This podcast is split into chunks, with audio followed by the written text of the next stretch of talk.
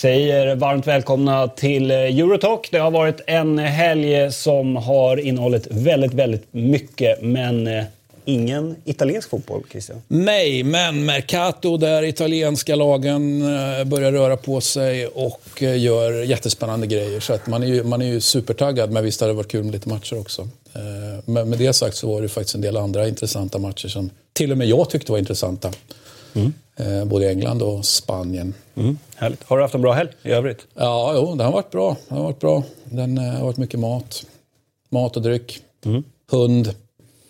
Hund? Har du ja, ätit jag, hund? Jag är, med, är du med? Jag trodde det var häst du åt. Hänger med Kasper gärna. Så är det. Ja, Ja. Du har inte ätit Så jag har varit hund. ute redan idag och, och, och knatat en timme. Men är inte du allergisk? På pappret ja, men tydligen inte. Nej. Alltså, det är ju, nu får vi knacka i någonting då, för jag har inte lust att bli allergisk nu, för det skulle ställa till det lite grann. Ja. Var det trä? var inte alls Ja, Man måste säkert- knacka nämligen fake. på både trä och ferro. Italien knackar man ferro och, och sen knackar man Det är trä. mycket som är plast nu för tiden. Ja, det ställer ju till det när man, är, när man håller på med sånt. Ja. Det är inga bra tider för det vidskepliga. Eller så är det skitbra. För att, ja, ja. Mm, kanske. Hur var Noahs helg? Bra. Har varit ganska mycket fotboll. Mm. Kul fotboll igår. Ja, verkligen. Otroligt kul. Martin, hur var din helg? Ja, det var också bra. Det var ju lite mindre fotboll eftersom det blir en liga mindre att se. Så känns som lite luftigare i tv-schemat. Jag tänker, I och med det som hände i Bundesliga igår, i ur svensk perspektiv, så kändes det som att det blev väldigt mycket på en gång ändå. Bra avslut. Och skrattar Christian. Ja, jag tänkte, vad fan har hänt i Bundesliga? Vi kommer till det sen. Det blir en kul överraskning från oss senare. Ja, ja verkligen. Eh, Alexander Isak startade bland annat. Nu är jag röstningen Ja, förstörd. tack, Det Björn. låter jättespännande. bra spelat. Jättespännande. Dålig Skulle jag avslöja det sen så säger du direkt. Liksom. Nej, men vadå? Jag är exalterad. Jag ville dra det nu.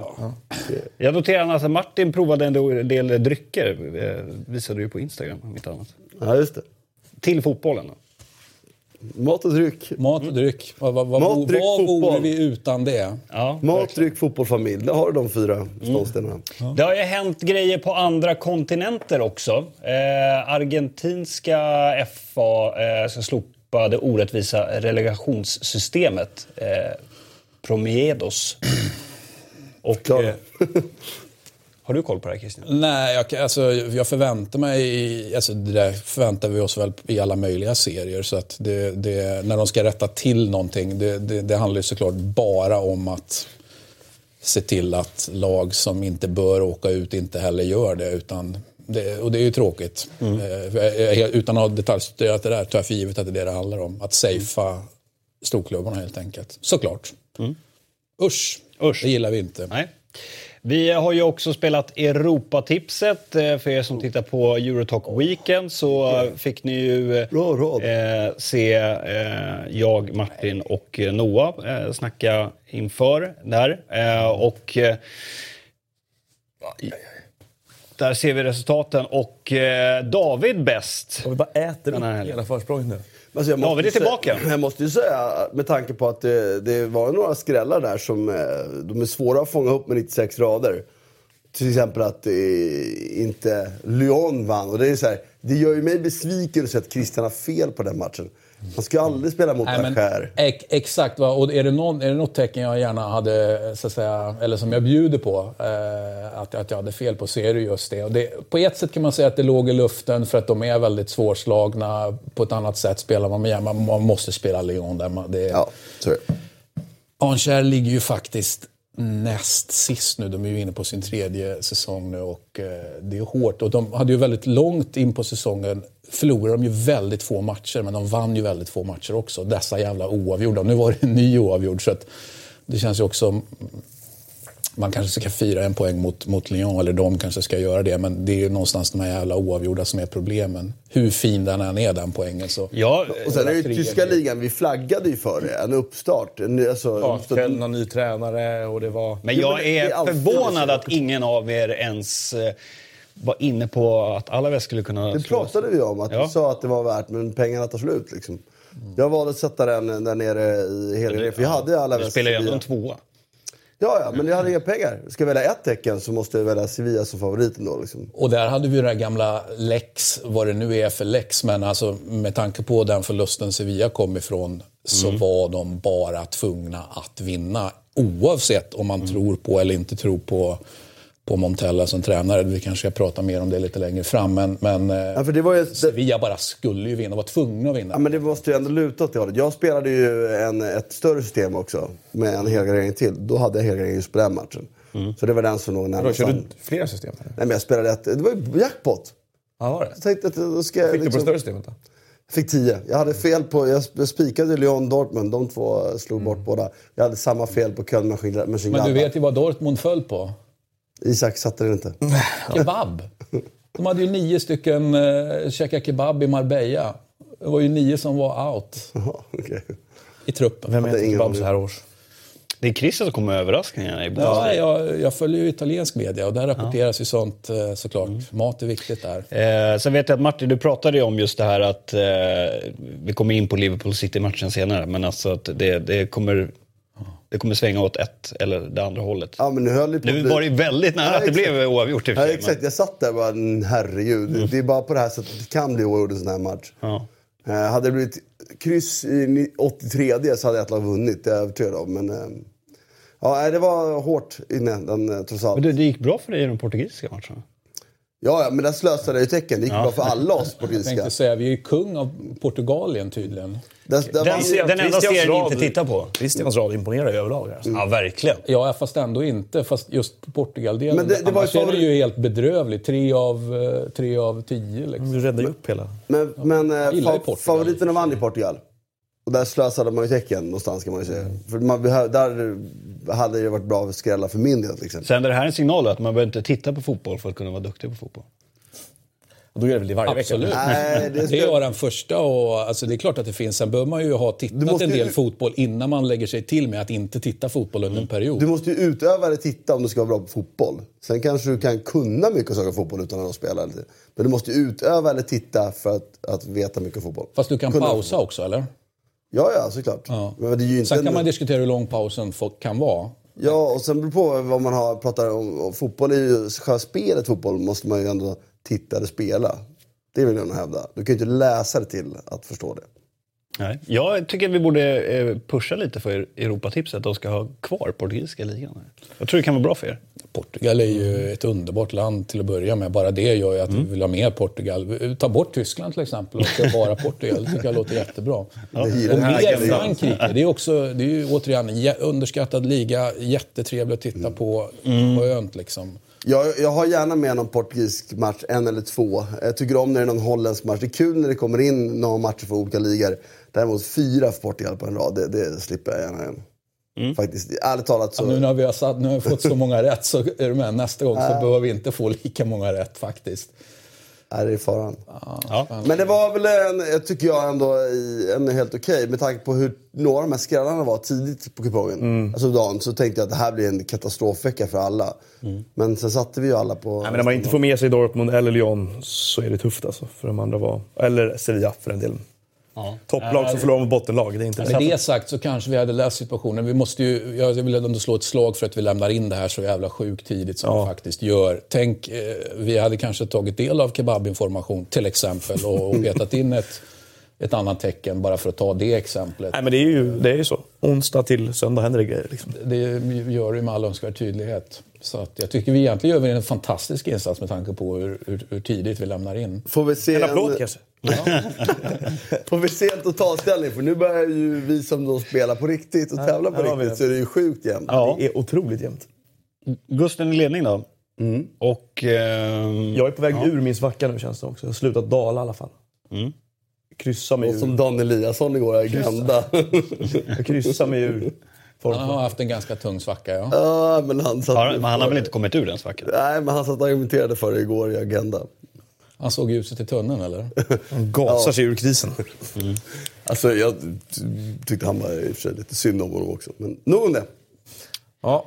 Ja, nej, men eh, spännande. Eh, Men eh, jag måste fylla i det Noah sa. Det är imponerande. 7 rätt av Christian faktiskt. Ja, men jag, det var...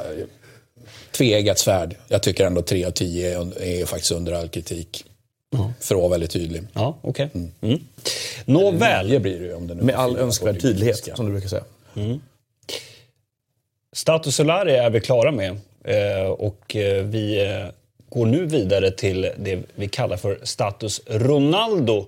Och det är nämligen så att vi ska ta ut ett så kallat All-star-lag från 90-talet. Så nu handlar det inte om spelare som förtjänar uppmärksamhet som kanske inte fick det, som vi ser på det. Utan nu handlar det om att ta ut de bästa spelarna från 90-talet. Som var aktiva på 90-talet. De behöver inte haft sin peak på 90-talet eller?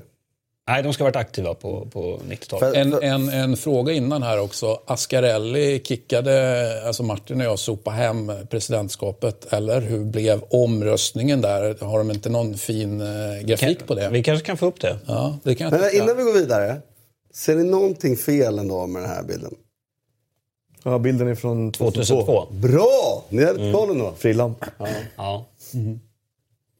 Bedrövligt. Ni har lite koll ändå. Le- Som att vi aldrig har koll i Man ska leva som man lär.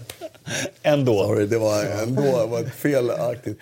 Är det, är det, är det ungtuppar i, teknik, eh, i, i, te, i teknikrummet? Jävla det? Men de är i och för sig födda på 90-talet tror jag. Så att, ja, ja. Nåväl, eh, nu, idag så ska vi bestämma formation och ta ut en högerback. Bestämma formation först, det kanske man gör.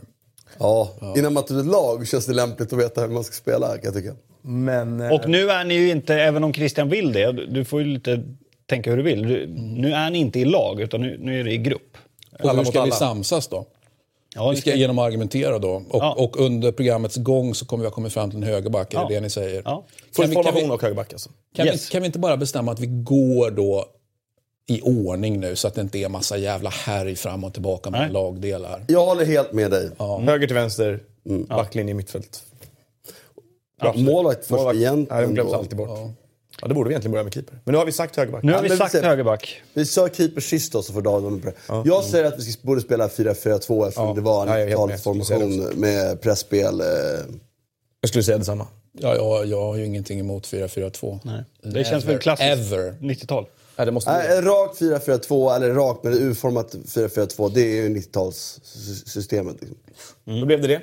Okej. Eh, hur vill ni göra? Vill ni, vill ni liksom suga lite på den här karamellen under programmets gång? Eller har ni redan nu några spontana högerbackar sådär? Jag vill suga lite. eh, Mm. eh, Men det är klart att man redan har en idé. Men, men jag suger gärna. Flera idéer. Men vi, vi väntar lite då. Ja, då kan man alltså följa eh, Europatipset på, på Twitter och kommentera ditt förslag då på, på högerback eh, som det gäller. Och nu är det alltså liksom de, de bästa högerbackarna under 90-talet. Så man behöver inte tänka att det ska vara någon liksom, det får ju vara det, det behöver inte vara någon kreddig högerback som man tycker förtjänar uppmärksamhet. Utan nu är det de bästa, Den bästa. bästa, bästa, som ska vara med. Så det spelar ingen roll om de har uppmärksammats enormt under 90-talet.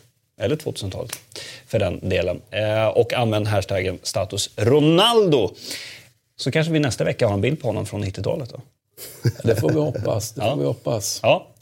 Man skulle kunna ta det på vikten också lite. Jag tänkte faktiskt också på det. För eh, det avslöjar ju också vilken Ronaldo det är. det är hemskt att man ser det på en sån bild till och med. Oh, men han hade gått utför på ett visst sätt redan 2002. Med det sagt så tar vi oss till England.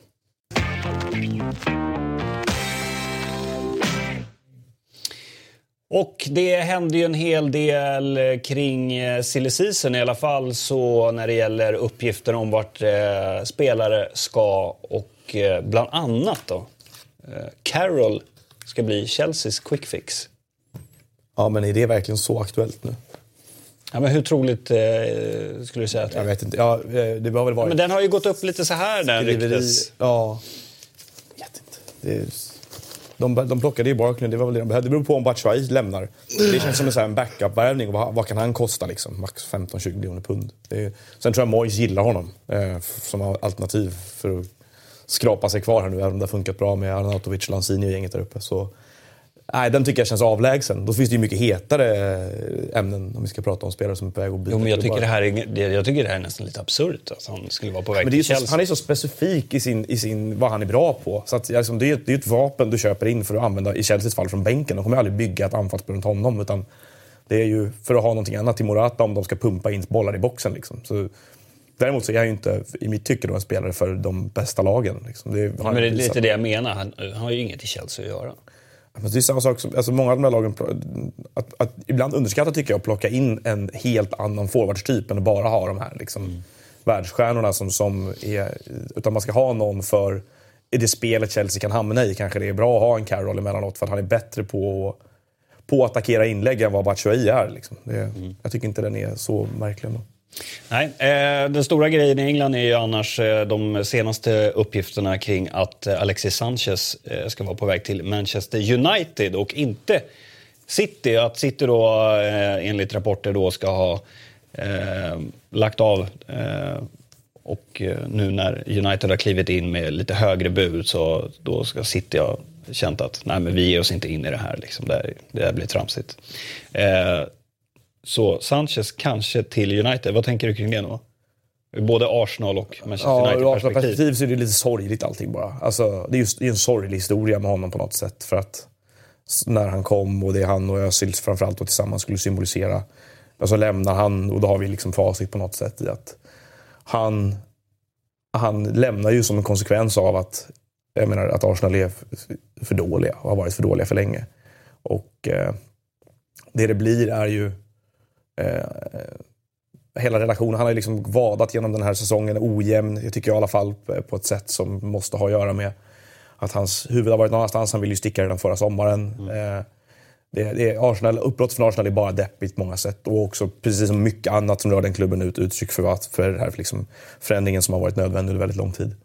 Eh, ur United City-perspektiv så känns det som att i Manchester City så fanns det rätt länge en plan för vilken roll han skulle spela i det här laget kanske att Guardiola med facit i hand av till exempel Sanés utveckling inte tycker att det är lika nödvändigt att, att addera honom till anfallsbesättningen. Eh, kanske att Mourinho med facit i hand inser att han måste skaka liv i sitt anfallsspel på något sätt.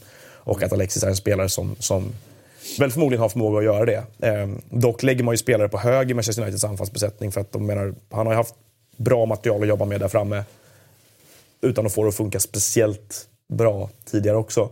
Så att jag menar, om han kommer, vad händer då? Då är det klart att Mkhitaryan måste lämna. Eh, men vad, vad gör det för Martials utveckling? Vad gör det för flera andra spelares utveckling där? Så att, eh, det, är mer, det ligger mer i, i Mourinhos... Liksom, det är mer begripligt att han tycker att det är en absolut nödvändighet att plocka in Sanchez för att ruska liv i någonting. Medan Guardiola förmodligen är rätt trygg i vad han har. Liksom. Det blir ju också tveklöst en mycket känsligare övergång sett ur ett Arsenal-perspektiv. Ja, det blir det. Men den uppdelningen är så pass etablerad nu så jag menar man kan inte bli sur som Arsenal-supporter heller på det på något sätt. Jag menar, det, ja, men det blir, har ju sen nej, de, sen nej, de gav bort van Persie till dem på något sätt. Ja, så är det ju... Men det blir liksom en ytterligare... Ja, det är ju såklart det är en käftsmäll varje gång och det Spark, liksom. påminner ju om hur långt borta de ligger från varandra. Att mm. De här två klubbarna, Manchester United, City och, och, Chelsea har ju brutit iväg i någon sorts liksom, trojka sett till sett till sina ekonomiska resurser nu. Sen gör ju Tottenham och Liverpool det bra som, som biter sig fast med mycket mindre resurser. Mm. Men att, att det här är ett steg upp, att, liksom, att det här är näringskedjan nu, det är ju ingenting nytt. Liksom. Nej. Men han är ju, um, även tycker jag, i City så skulle han ju tillföra, jag håller honom högre än vi håller Sané i nuläget och vi håller Sterling. Mm. Eh, sen kan Sané, säkert med sin utveckling, han är lite yngre än, än vad de andra är.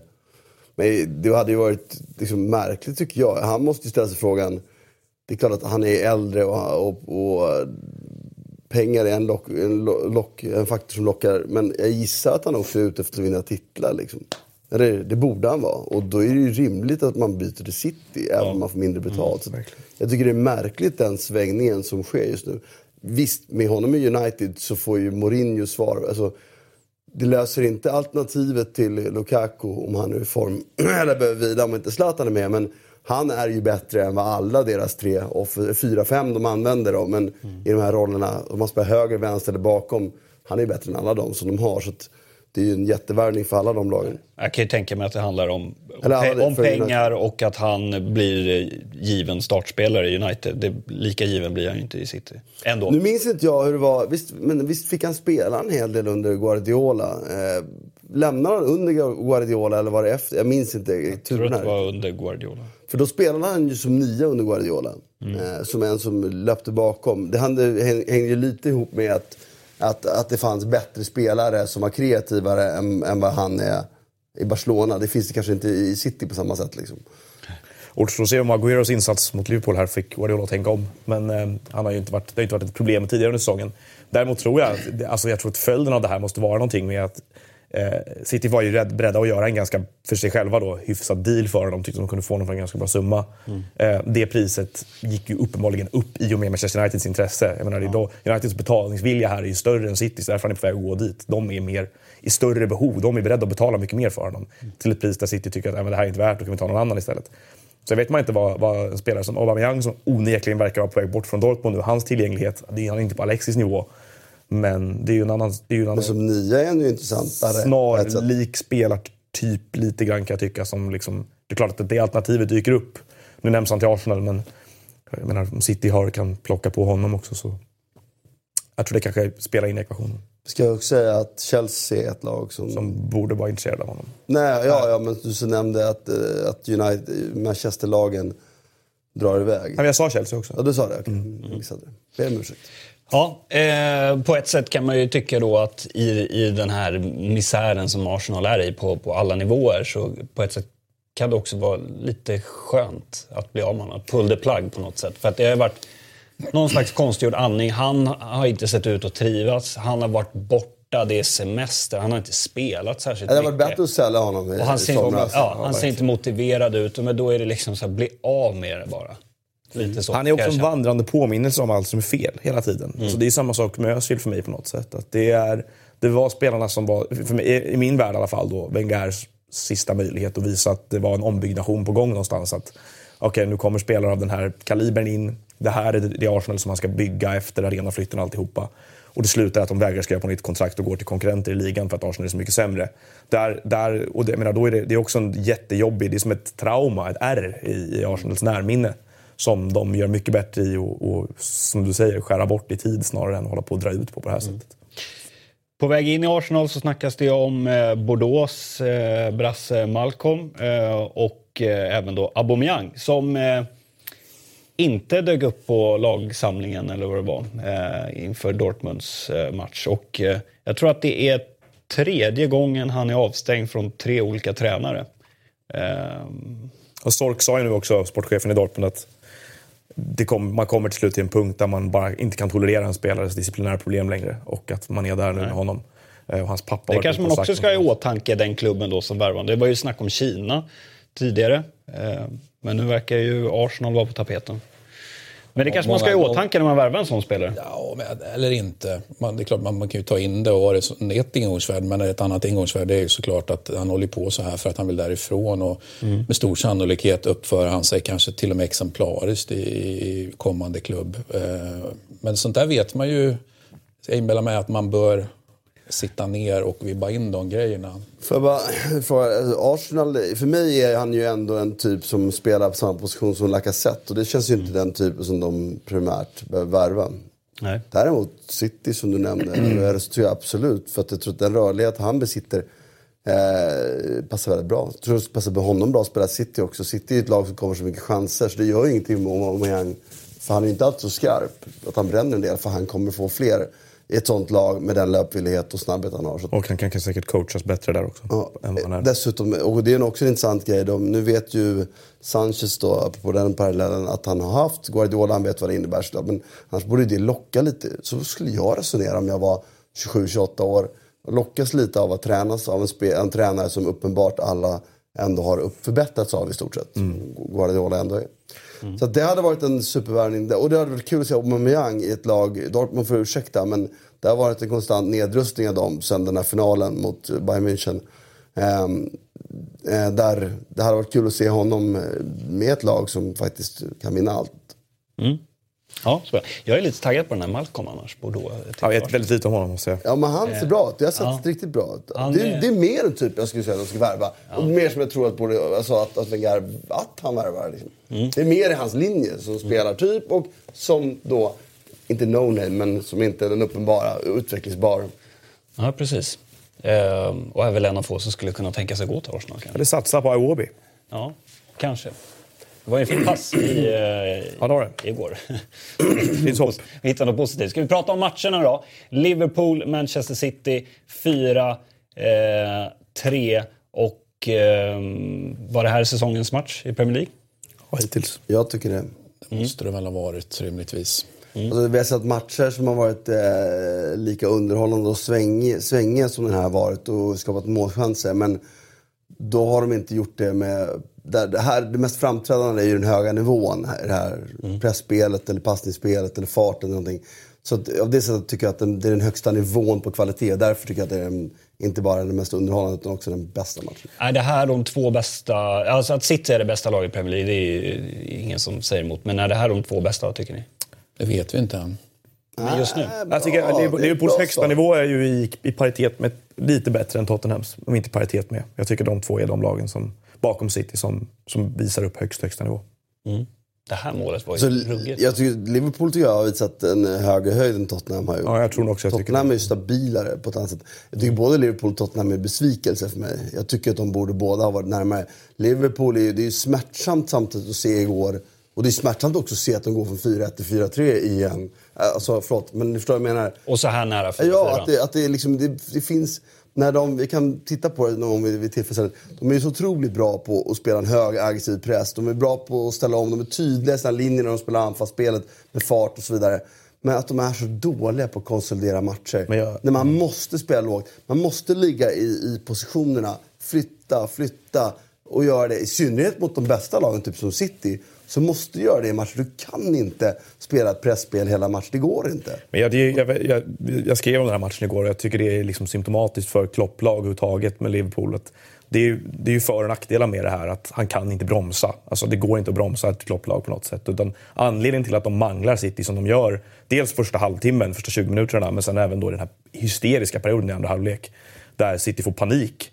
Det är ju för att inget lag kan gasa som, som det här laget. Liksom. Det är, det är den, Och den gasa, frenesin. och, vad menar du då gasa? Ja, men den frenesin i pressspelet framförallt. Och, och, och, och hur mycket som, är, liksom, som ser ut att vara dels, dels systematiskt men det är dessutom någon sorts im- impulser hos spelarna. Den här Robertson-löpningen till exempel som kommer när han pressar från vänsterback ut, bort till Citys högerback. Vilket är en idiotlöpning. Det är tur att han har Nej, men- frispark. Annars hade han jagat sig själv i position. Nej, men, där menar, ser. det, och det, för mig är det Bara- lite uttrycksfullt för, för vad Liverpool gör. Och där, där står det 4-1. Jag menar, det är ju så, det, de blir liksom lite besatta av hur kul det är att käka upp motståndare.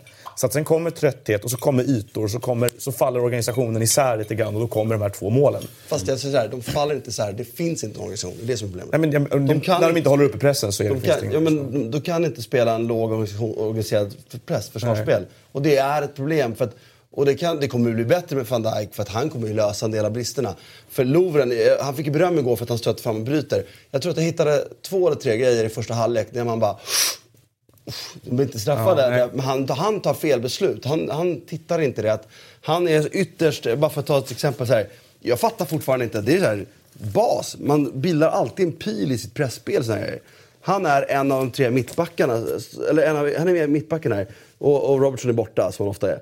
Eh, eh, då, då, då stöter, Lovren stöter upp så här. Det, det får du aldrig göra. Även om det kommer en driver här så måste du vänta, vänta, vänta tills han stöter. Så att man får den här spetsen.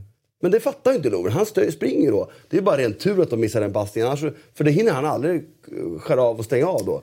Men jag, Och det är menar- sådana så små grejer gör ju han fel. Och det är ju inte för mig, det är ju en individuell brist men det är också ett kollektivt problem när man inte har någon. Och det kvarstår. Däremot så tycker jag att som helhet, som vi pratade om förra veckan, så, så ser de ju inte bara med van Dijk och nu kommer Keita sen också, utan ska man titta över, över tid, och du säger att du tycker Liverpool är en besvikelse, så har de överraskat mig positivt snarare att de är så pass bra som de är just nu tycker jag. För att, Besvikelse är fel men däremot så, så, så eh, eftersom jag hörde till de här som ändå pratar om att Salah skulle bli en grym. Ja, ja. Tyckte jag att det här, det ser så bra ut. Och när du ser hur bra de kan vara och jag vet att det är lättare att organisera det här låga försvarsspelet än vad det är att få till den här höga pressen. Mm. Det var ingen bra sätt där i skjortan tyvärr. nej, men du, Nej, men jag, vet, jag vet hur svårt det är. Så borde ju det, det, är- det är ju mer lite ledsen att säga att han har fixat det svåra men inte fixat det lätta. Nej, men- de, men- bo, de borde ju vara en allma, de borde vara en konkurrent. Visst, de har mycket mindre resurser. Det är en jätteprestation de gör. Men det andra hållet. Men det de, jag tycker fortfarande att det de har, nu pratar vi om det de inte har, det de har är ju fortfarande så extremt bra och det förtjänar att lyftas mer. För det är väldigt lätt att hela tiden gnälla på de här återkommande problemen. låter nästan lite förbannade över Liverpools seger. Nej, nej, men jag, jag, jag, Det är klart det är frustrerande. Att han blir Ja. fr- De, de, de är så nära att vara någonting så väldigt bra. och, så, och det de inte har fixat är en bit som inte är så svår att fixa. Det är det som stör en. Men jag tror att Sen det är går det att fixa. imponerande, absolut, där, hur, hur, hur det här ryggmärgs sättet att pressa är. För det är ryggmärg. Du hinner inte tänka så hur mycket de måste, jag förstår ju att de måste träna så otroligt mycket på det. Men lite av den tiden borde de lägga åt det. Eller så, så, och det är det som hindrar dem. De hade, med den här höjden de har, kunnat vara liksom en utmanare till City i år. Och det svider ju som... Jag, jag vill fortfarande säga att jag tycker att även om det här problemet uppenbarligen kvarstår, det går inte att förneka det, eh, så har det hänt någonting. De har lagt till sig, jag tycker de har tagit upp, de har liksom flyttat upp ett snäpp till. För titta på den här resultatraden de har nu över vintern, titta på vissa av insatserna mot topplagen, titta på hur de har grävt ut segrar och resultat mot lag även när det har sett sådär ut. Så för, mig, för mig, fjolårets Liverpool, alltså, Klopp bygger ju fortfarande, i mitt tycke i alla fall, någonting som fortfarande blir bättre här. Och det måste man erkänna. Man, man kan se de här grundläggande problemen och, och det kommer kanske straffa dem i slutändan. Det kanske är det som gör att de inte kommer vinna Premier League eller gör att de inte vinner. Inte i år i det alla ena- fall. Nej, i år kommer de såklart inte vinna. Men jag menar under Klopp överhuvudtaget. Men att det han håller på att färdigställa här. Han var ändå sju år i Mainz, han var sju år i Dortmund. Han har varit här i två och ett halvt år. Eh, och det är klart att hans Dortmund till slut svalnade av. Men det här laget har nog inte riktigt pikat ännu. Och jag tror att man ska ge honom man får ändå ge honom att, eftersom tiden har visat att han har gjort bättre saker av det här och att de har byggt ett, det är också ett sofistikerat truppbygge nu tycker jag, där spelartyperna, ta den här killen till exempel, som jag finns fortfarande mer att ta av honom, helt övertygad om. Det finns de som menar att han är helt värdelös, men kolla på hur han stod stilla i Arsenal under Det är lång också tid. roligt, för det är många som inte fattade hur bra han skulle kunna bli. Nej, men, under den jag här, menar det. Hade Och så- han för egenskaper för just det vi pratar och om? de betalar, de betalar ordentlig premium för potentialen i honom i det här systemet. Det är klart Oxlade inte skulle vara eh, liksom en användbar tillgång för vissa andra topplag. Då hade summan varit helt galen. Men jag tyckte från början att det här var en smart värvning. Nu, nu var han inte fantastisk igår, men du ser fortfarande saker i hans spel nu som du verkligen aldrig såg i Arsenal. Så att det de har i Klopp, eh, och som man måste ge honom också, som eh, eh, i allt det här, det är ju att i och med den här ekonomiska verkligheten där de ligger en bit efter de här andra tre klubbarna så kommer de behöva sälja av spelare som Coutinho eller som när de har sålt spelare tidigare år här. Eh, och vad de, gör, vad de måste göra då, det är ju att öka värdet på det de kan köpa in för billigare pengar. Van Dijk kostar 75 miljoner pund, så whatever. Men de köper ju inte från översta hyllplanet. Eh, och den förmågan har han. Den förmågan har han haft många spelare. Han förädlar det de köper. Det de spelarna är inte värda lika mycket innan de kommer som de är under Klopp i det här laget. Och den effekten kommer han fortsätta ha, det är jag ganska övertygad om, ett par år till. Så jag tror att vi har inte sett det färdigställda Liverpool under Klopp ännu. Och jag tror att när vi ser det så är det ett lag som, som Möjligt, möjligen att de faller på de här bristerna som är, inte går att förneka. Eller så lyckas han lappa över dem eller tänka om på något sätt. För jag, jag vill fortfarande ge honom benefit of the doubt här som en eventuell Så det, är ju, tränare. det är ju en jätte, det är ju fortfarande på något, det är ju liksom en bra prestation han har gjort som tränare med Liverpool. Det vill jag liksom inte... Men ska han vinna så kommer han behöva motbevisa det han har inte klarat av i Dortmund eller Liverpool, tror jag. Och det är, fortsatt då för att förtydliga, det är lättare att fixa den biten än de andra svåra bitarna han har löst. Det gör en irriterad. Det är det enda. Jag måste bara säga att igår när man såg den här matchen så, så är det, ju, det är mer intressant egentligen tycker jag. För att ligan är ju avgjord. Liverpool kommer att nå Champions League. Förhoppningsvis tvåa. Eh, De borde kunna bli det. Men tittar man på City så fick vi också lite, vi har, jag, jag har flaggat för flera gånger och jag har ju fått äta upp det så här långt. Med all rätt. Men jag tycker inte den här backen ser bra ut. Hur kommer den vara när den möter bättre spelare? Och nu med all respekt mot Klopp och Liverpool. De är inte översta hyllan i Europa. Ska det här laget klara så måste de upp på en... Alltså det, nu kan man ju slå, säga att, att det var en underprestation av City igår också. Det var inte bara Liverpools väldigt bra pressspel som ställde till det. De ser, det, det var, de ser lite, lite trötta ut. Ja, och det kommer... Men jag menar, när Stones, Otamendi inte klarar av att hantera de här... My God, vad ska de göra mot spelare som Barcelona och de här? De kommer bli överkörda. Och det, det är lite det här. Och eftersom Guardiolas sätt att spela, det finns liksom ingen... Fallhöjden är rätt stor. Antingen flyger det och då flyger det högt. Men funkar det inte, då är det, rätt, det är glappet rätt stort. Då kan de falla rejält. Och jag ser inte ett lag med den prestationen och den form de är i nu som har en chans att nå semifinal i Champions League. Och det måste väl ändå vara det intressanta från igår, tycker jag. Det beror på, då får du in kompani igen, som ju aldrig händer, frisk i det här. Då har du ju liksom en annan stabilitet. Men jag, annars är jag beredd att hålla med. Plus att det var första gången nästan som jag tyckte man såg en tränare utstuderat pressa Fabian Delf på sanningen om han är en vänsterback eller inte lite grann. Eh, jag tycker Delf har varit väldigt bra i den rollen eh, med tanke på vad han har spelat tidigare i sin karriär och hur han har lärt sig och utvecklats i det här. Men innan skadan så var det ju skakigt där ute alltså. och det såg utstuderat ut från Klopps sida så det var rätt smart av Liverpool får man göra. Mm. Ehm, är vi klara? Ja, men jag bara, släpper vi det så enkelt med Otamendi och Stones och så här. Det är, mm. Otamendi är väl den som har felpassen till båda målen. Mm. Och, och Stones blir, det är ju ingen frispark i min värld i alla fall. Rätt lätt undanflyttad av, av, av eh, Firmino. Nej men, eh, och det är det, det, det som jag tycker så här, det låter ju negativt nu. Det var ju en supermatch. Jag tycker båda lagen har haft otroligt fin utveckling. Jag tycker båda tränarna är två av de bästa tränarna. Jag tycker Guardiola är bättre än Klopp än så länge. Och det tror jag han kommer komma, ihåg, komma sig ihåg också. Men jag kan inte låta bli att släppa att det man har pratat om hela tiden, hur står City? Nu är det försprånget så stort, men det ska bli intressant de att. Har ju, jag tycker att de har ju klarat sig bra mot bra forwardslinjer i ligan och Champions League i år, har de inte det? De har bara mött Napoli av Europaklass och Napoli är inte Barcelona, det är inte normalt Real Madrid. Nej, det är inte, det är de, inte de har PSG, inte mött, nej, de har inte mött de tre, fyra, fem bästa lagen i, mm. Europa. Nej, det stämmer. Men, eh... och, och, Napoli är ju väldigt tacksamt för Guardiola möta. För om Napoli är något av de här topplagen som är, passar Guardiola så är det ju Napoli som spelar öppet och försöker spela. Det passar ju ändå Guardiola. Om han får möta ett topplag som spelar mer cyniskt så, så är det så jobbigare för honom. Typ Liverpool pressar hårdare. Jag upplever också att de, det är klart att de faller offer för Liverpools pressspel igår. Eh, men jag tycker att precis som mot Bristol i veckan och som i ett par matcher på slutet nu här så är det det är lite, lite långsammare. Det är lite mm. högre felprocent i passningarna. Det är lite högre liksom, osäkerhet i uppspelsfasen än vad det var för ett tag sedan. Och de har haft individuell kvalitet nog att ta sig förbi de här hindren på slutet. Men Även om De Bruyne är väldigt inflytelserik igår och herregud, han går fram som en isbrytare i mitten och drar in dem i matchen efter 30 minuter när han är, Fan, han jobbar han är så sjukt bra då. Eh, så är det andra spelare, Agüero var ju ett, två sekunder för långsam i varje aktion hela matchen Jag förstår inte att han fick vara kvar på planen. För att de inte hade Jesus på bänken gissar jag. Och där drabbas de för att Jesus pressar mycket bättre också. Eh, men det är flera andra spelare i det här laget som, som ser ut att vara kanske i behov av att vila lite grann typ, eller ha lite större rotation nu. Om det inte är så att de har ja, det blir intressant att se, eh, bränt, bränt ut sig lite under hösten här. Genom... Ja, och hur moget är det då? Bränt ut sig? Nej, då är det ju ihop klart det, det låter för, Om det är så, klart så är det fullkomligt eh, livsfarligt. Mm, och det är ju Guardiola-problem rent generellt. Att, att han, är, han är bättre på hösten mm. än han är på våren. Sen att skillnaden är stor, det behöver det inte alltid vara. Men... Ja, det blir intressant att se hur han matchar de kommande i alla fall. Framförallt fram till Champions League börjar här. För att, eh, då är det skärpning. För ligan är avgjord, så de har ju råd egentligen att rotera ganska hårt.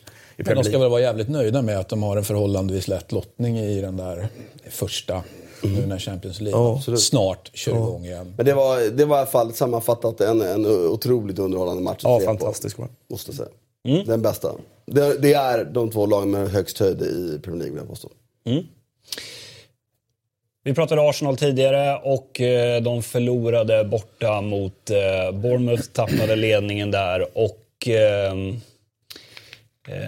så ofta och så länge som vi har pratat om Arsenals misär. Men nog är väl det här den eh, Arsenals värsta kris under Wenger vi ser just nu? Absolut, att det, det tror jag, är, jag tror ingen skulle få för sig att argumentera för någon annan period faktiskt. Utan nu är han ju på en all time low. Och, och, och på sin sista säsong. Det kom ju ur ett Arsenal-perspektiv väldigt positiva nyheter från Corriere dello Sport i veckan som handlar om att Ancelotti då skulle vara klar på en hyfsat hög lön under fyra år och eh, we can't wait, säger vi som, som eh, han får gärna kliva på under säsong. Nu tror jag inte att han, att han skulle göra det, för han har ju sagt att han ska vila. Men eh, mm. det får hemskt gärna vara sant. Tror du att det blir så? Han sitter ju, Wenger sitter ju på kontrakt även nästa säsong. Jo, men det, jag tror alltså Arsenal saknar inte direkt pengar så att, att de betalar honom en årslön i värsta fall. Han kommer ju få ett nytt jobb, Wenger. Så är det ju. Om ett annat så är det ju, finns det något, någon nation som är, som är eh, så att säga, världsmästare i fotbollspolitik på alla möjliga sätt och vis. Så även då att se till att den egna, eh, de egna gubbarna respekteras. Så är det ju Frankrike att han inte skulle få ett nytt jobb i Frankrike, om vi bara tar Frankrike som ett exempel. Han kan säkert få jobb någon annanstans och får han självklart ett jobb i Frankrike om han vill. Så att, och då är inte det heller något problem. För då, då... Det hade ju också varit roligt att se honom i någon annan miljö nu tycker jag. Lite. Mm. Så det är inte bara, det är inte bara hans fel att det har kört fast i Arsenal. Även om mycket är hans fel eftersom han styr och kontrollerar det mesta. Så finns det ju också säkert en, en mättnad eller något fel från Arsenals sida som hade varit kul att se. Wenger. Jag hoppas verkligen, verkligen att, att han flyttar i sommar. Att Ancelotti tar över vore spännande. Jag är inte säker på att det är en man att bygga någonting. Men Bra förvaltare under en övergångsperiod. vad finns det, finns det för förvaltare? Ja, men det är ju det som är den springande punkten. det Va? finns ju Finns det någonting att finns ju- förvalta? finns ju eller, pengar fall. eller är de nedsablade rent mentalt, de här spelarna? Men jag, jag, om man nu ska, Det ska se byggas, någonting skulle jag vilja halvtomt påstå, och, i det laget. Jag tror att, jag tror det finns ju, ja, jag menar, det finns ju fortfarande en plattform rent eh, ryktesmässigt och i... Och talang i laget, Pengar, ja, absolut. att men ska det inte komma en byggare då istället? Det beror på hur snabbt du vill göra vända skutan. Ibland är det ju bra att att liksom först Gör en Moise. ja, hitta ett normalläge och sen köra. Liksom. Men Framförallt så, så det är väl ett rimligt antagande att det, om han nu skulle kliva på att det är några nyförvärv som gäller och då måste ju det här börja. Det brukar ju vara i den här perioden som det börjar, om någonting är klart så, bör, så kan man inte hålla det hemligt hur länge som helst och nu har ju dessutom någon redan skrivit det.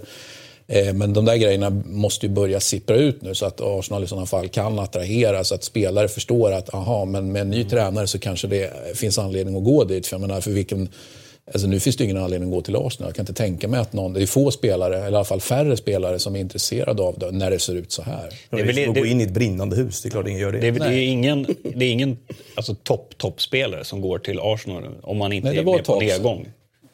Ja, inte, inte, från den, inte från det. Jag menar det är väl Lacazette ungefär, det är den nivån. Där. Eller, eller unga, hungriga Malcolm.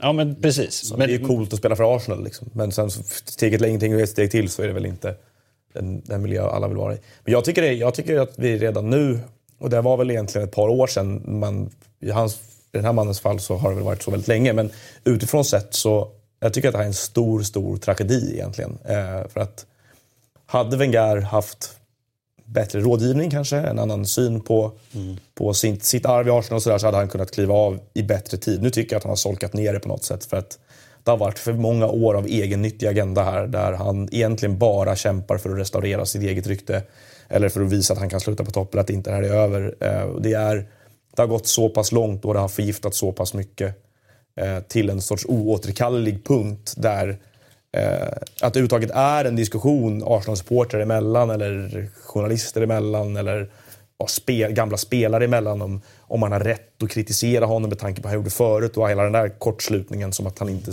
skulle kunna vara mottaglig för kritik nu fast han var bra för tio år sedan.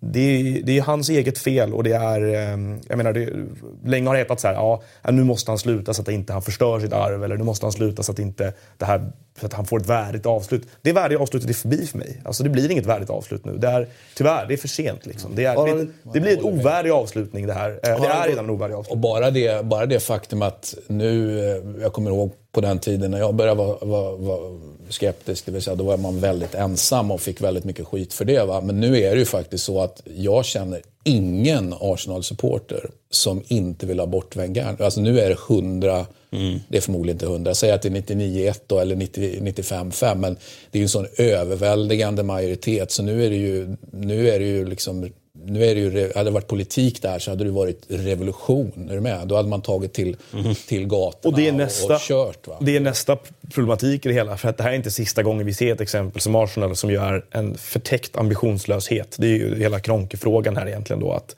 ehm, det naturliga här i en fotbollsklubb som till exempel hade varit medlemsägd, och nu kommer jag få Martin emot mig. Mm.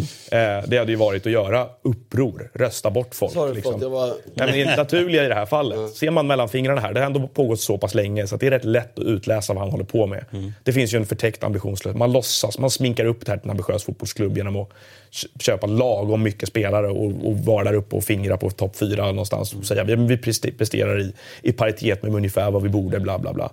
Ehm, det är ju fake. Det är ju ett fake-lag för mig. Alltså det är en fake-klubb. En, ambitions, en fotbollsklubb med men- ambition hade gjort sig av med Wenger för många år sedan. ett, ett, Men de kommer undan med det för att det är där uppe och, och, och liksom går någon sorts maskerad i, i topp en, fyra. en sån här klubb i, i ett annat land med, med en annan kultur, då hade ju han varit bortplockad. Eller med, eller, eller med Absolut. 51%-regeln. Då hade det Eh, och det finns ju någonting fint då att, att olika kulturer ställs mot varandra och att det finns eh, långsiktighet. Men alltså för mycket långsiktighet är ju inte heller bra. Det, det, det är väl ganska uppenbart. Nej, men- det här och- fallet är ju beviset på det. Och det Har obehagliga... han, inte, har han inte i alla fall placerat eh, Ferguson antalet tränarmatcher på bänk? Är det inte så? Någon sån här Så att han går ju till historien oavsett nu. Ja, grattis. Kan han sluta? Ja, Nej, det är nej, någonting. men det är väl ändå liksom... Men han känns lite som en sån här sorglig typ på ett kasino som har liksom så förlorat allting. Så bara, men om, jag bara, om jag bara får låna lite till så kan jag liksom komma på plus minus noll. Sitter och berättar om hur det var när han vann förut. Men, eh, eh, nej, men jag vill avsluta det där med Kronk i alla fall. Att det farliga med det här, skulle jag säga då, att det inte har varit massprotester, att det inte har varit bojkottar av det här. Det är ju att det uppmuntrar andra potentiella ägare av klubbar i England att göra samma sak. Att kliva in och låtsas, låtsas konkurrera. Som Ashley har gjort i Newcastle också. Eh, och att det inte gör det utan att det är den här liksom, ja, men lite, lite bortdomnade massorna som, som skruvar på sig när de håller upp en skylt där det står ut med Wenger. Liksom. Att man blir utskälld, eh, supportrar blir utskällda i TV för att försöka göra motstånd. Liksom. Det, är, det är en ohälsosam utveckling som fan. Jag tror ändå, alltså, så här, ja, jag förstår det. Jag tror bara att, att, det har varit en liksom alla dåliga saker här i den aspekten. Wenger har faktiskt varit någon som har förtjänat att få en andra chans, en tredje chans. Det finns väldigt få andra sådana Exempel, situationer. sant. Så att det, det, jag tror, men visst, det, visst det är ju, det är ju lite beklämmande att inte Arsenal-supportrar har st- ställt till fel ord, men har Sagt har, ifrån Ja, men sagt ifrån mer trots allt. Samtidigt som det är ju också då, de har ju, de har ju haft en rätt hög lägstanivå. Så att det finns nog många andra klubbar som har sagt till rätt mycket och så har haft en mycket lägre lägstanivå. Så. Mm. Men jag håller med, det är klart att, att det ska bli bra att förändra lite. Veckans försvarsbild. Vi får en varje vecka. Ja, man får ju en varje match eh, från Arsenal. Eh, är det inte fasta situationer så är det eh, så här. Och ehm, ja, vi får se. Parodin fortsätter väl. Men eh, Löpviljan är det inget fel på. Organisationen är väl sådär kanske. Men... Ja. Ett annat Londonlag som har det lite kämpigt är ju Chelsea som spelade 0-0 mot Leicester och nog hade det här kunnat sluta med förlust eh, om det inte hade blivit en utvisning där. Här, i- här är ju storyn egentligen hur förbannat bra Leicester börjar se ut. Alltså, Verkligen. verkligen. under poäng nu. Det är, och så får de in andra... Och är, är det inte konstigt ändå Silva att det, det är ju härligt på ett sätt att Mares är kvar i, i, i Leicester men är det inte konstigt att ingen har plockat honom? Lite är det absolut. Samtidigt tycker jag när man ser honom, jag, jag några gånger satt mig ner och sa nu ska han vara bra, så har han varit ganska dålig vissa matcher. Han är ju lite för ojämn för att jag ska känna att det är, det är en top class player liksom. Jag tror det finns så här, alltså, man kallar det för Benarfa skepsis mot honom lite grann. Att det är en, alltså för mycket humör ibland och så. Att han behöver ha väldigt typ, vissa typer av matchbilder för att, för att vara bra. Men, och sen tror jag att de som tittar mycket på statistik så har han haft en, en lite för ojämn kurva efter den där megaperioden. Eh, 15-16. Men nej, Leicester ser riktigt, riktigt de- Leicester kan komma sexa eh, på riktigt. De kan, de kan nog komma före Arsenal tror jag om det här fortsätter att se så här bra ut. Sen så måste jag säga att i Chelseas fall, det blir mycket kritik nu och att de, det är frustrerande på hemmaplan och folk har tröttnat på Morata och allt det här. Bakayoko är en dålig värvning. Med de sakerna invägt, att Morata kanske inte har varit så bra som många hade väntat sig. Eh, Bakayoko inte funkar på samma sätt som han hade hoppats på. Så det här är ju alltså, tittar man traditionellt sett så är det ju här apokalypssäsongen den andra, alltså för Conte. Det, vill säga, det här är säsongen när Chelsea väntar på att ömsa skinn. De ska, Conte ska bort, han kommer gå åt sommaren. Eh, det här ska egentligen falla ihop som ett korthus. Så tycker jag att Conte håller det uppe. Jag tycker Conte har gjort det ganska bra i år måste jag säga. För att det är stökigt som 17 bakom kulisserna. Det, det är en liksom, uselt bevarad hemlighet att Conte ska gå. Eh, Det är massa intern politik. Han gnäller högt fram och tillbaka och ändå får han dem att, att liksom ligga och nosa på andra platsen. Så jag tycker att det är, och vidare Champions League-grejer. Jag, Men det håller, jag, jag håller helt med dig, för det är det jag tänkte säga. Att jag tycker det är imponerande att Chelsea som inte, inte spelar bra, de får ändå med sig poäng. Och det är det här som jag tycker Conte är. Conte är en stor tränare. Jag tycker, vi pratade om det. Chelsea har alltså på, på 16 fönster netto spenderat lika mycket som United på 3. Så det här är ju en klubb som har skruvat åt allt, sparat pengar så in i Norden. De är ändå med där uppe. Och de blev av med Diego Costa på ett sätt som är... Han rycktes bort från dem bara. Som kanske Conte har en stor del i, jag vet inte. Men oavsett vilket, om vi struntar spekulationen så sa vi inför säsongen att det är den viktigaste spelaren de hade förra året och han är borta. Och Morata är precis så bra nu som jag trodde han skulle vara. Jag satt och fick äta upp i början när han var så himla bra. För jag, satt, jag tror inte riktigt på Morata hela vägen. Jag trodde inte heller på honom. Och så var han, började han grymt bra. Ja, men nu är han, jag tror att det där, men, så dålig som han är nu är han inte heller. Så bra var han inte heller. Däremellan, där är hans nivå. Men finns och det det är nå- typiskt Morata att ha de här. Så att, och det är ju, bli av med den bästa, viktiga spelaren. Få in Morata som inte är bra nog. Jag tycker också att Bakayoko har varit en, en, en, eh, det är en missräkning för mig också. Jag trodde mycket, mycket mer på honom än vad han har fått ut hittills. Men nu ser ju ändå, Ändå. spelet väldigt, väldigt trögt ut. Fin- Finns det någonting... Är det Det något... gör ju med Conte att spela med honom. Funkar det inte, flyter det inte, men de får 0-0. Det är ju det som är grejen liksom. Och de, och de, De, har är ju... med där uppe liksom. Ja, men Nu hade de 0-0 väl- mot Leicester hemma är ju inte tillräckligt. Nej, det är det inte. Och de släppte väl till 13 skott på mål. Eller Men de hade ju kunnat förlora Historiskt dåligt. Men... Tottenham och Liverpool, men Tottenham och Liverpool köper ju, de har ju nettspenderat mycket mer än vad, än vad Chelsea har gjort de senaste åren. Mm. Då är det väl inte konstigt då att Chelsea, det är egentligen en, en otrolig prestation av Conte. Men jag Så tänker- att är truppen för svag då, eller är det Nej, det tycker jag inte heller. Det är inte det jag vill landa i. Men någonstans tycker jag att, att Conte ska ha en otroligt stor beröm för det är en stor tränare som får ihop det här ändå tycker jag. Jag håller med. Så och det- sättet han kommer in på säsongen i, de halkar liksom dit med 3-0 hemma mot Burnley i första matchen. Det kan lätt spåra ur rätt fort som det har gjort för de flesta andra tränare, även de som har vunnit med, Chelsea då. Eh, det gör inte det här och det är... Så här långt ska vi säga, herregud det är ju 15 omgångar kvar. det kan ju, om det fortsätter ner nu, då, är inte, då har ju inte Conte gjort något bra jobb såklart. Men Nej. Ja, vi, vi får se. Ehm, I övrigt så såg vi ju eh, ett starkt Tottenham och eh, Son som är i en galen form. Ja. Ja, vilken säsong han gör. Det är ju, han, och Kane har gjort 20 mål, så sån, kan ju, sån ser ut att vara på väg mot 20 mål, men vinner inte interna skytteligan på. Nej. Ja, det är eh, och Kane, Spurs bästa målskytt i Premier League genom tiden nu. På 100 matcher färre än Sheringham som hade gjort 97. Kane gjort 98. Men jag tyckte en annan grej i den matchen, det var ju typiskt Tottenham hemmamatch när det stämmer. De har ju hittat formen igen väldigt bra måste man säga. Eh, den andra grejen där är ju Allardyce Everton alltså. Som, eh, det är dags ner i, liksom, eh, vad är det de har gjort nu tror jag? Jag läste det här. Tre, tre matcher av hans åtta hittills har de inte skjutit ett skott eh, på mål. Det hade hänt tre gånger på 222 matcher innan han kom. Eh, och det, här, det här är får med honom. Man ser redan hur Everton-supportrarna inte orkar. Liksom. Det, det, det är så deppigt. Och eh, nu är de ju på väg att kasta, han sa ju det själv, nu är vi på väg ner i bottenstriden igen. Men det är väl bra för honom, det är, där han, det är det han kan. Han kan rycka undan från en bottenstrid, så han, väl, han måste väl ner där igen för att göra någonting intressant. Men det kan ju hända att han måste sätta saker och ting bakåt för att, alltså att han frivilligt tar ett steg bakåt för att kunna ta faktiskt två steg framåt. Alltså det går Historien ju, säger inte riktigt det. Nej, men det, det, det går ju att argumentera för att han, att han Ja, ja visst. ser problemet på det Ja, nu har han Cenk Tosun, det är väl bara att liksom, nu har han adresserat det han behövde längst fram. Så jag tyckte han såg okej ut. Faktiskt. Mm. Ja, absolut. Ehm, vi gör så att vi eh, tar oss vidare till eh, Italien.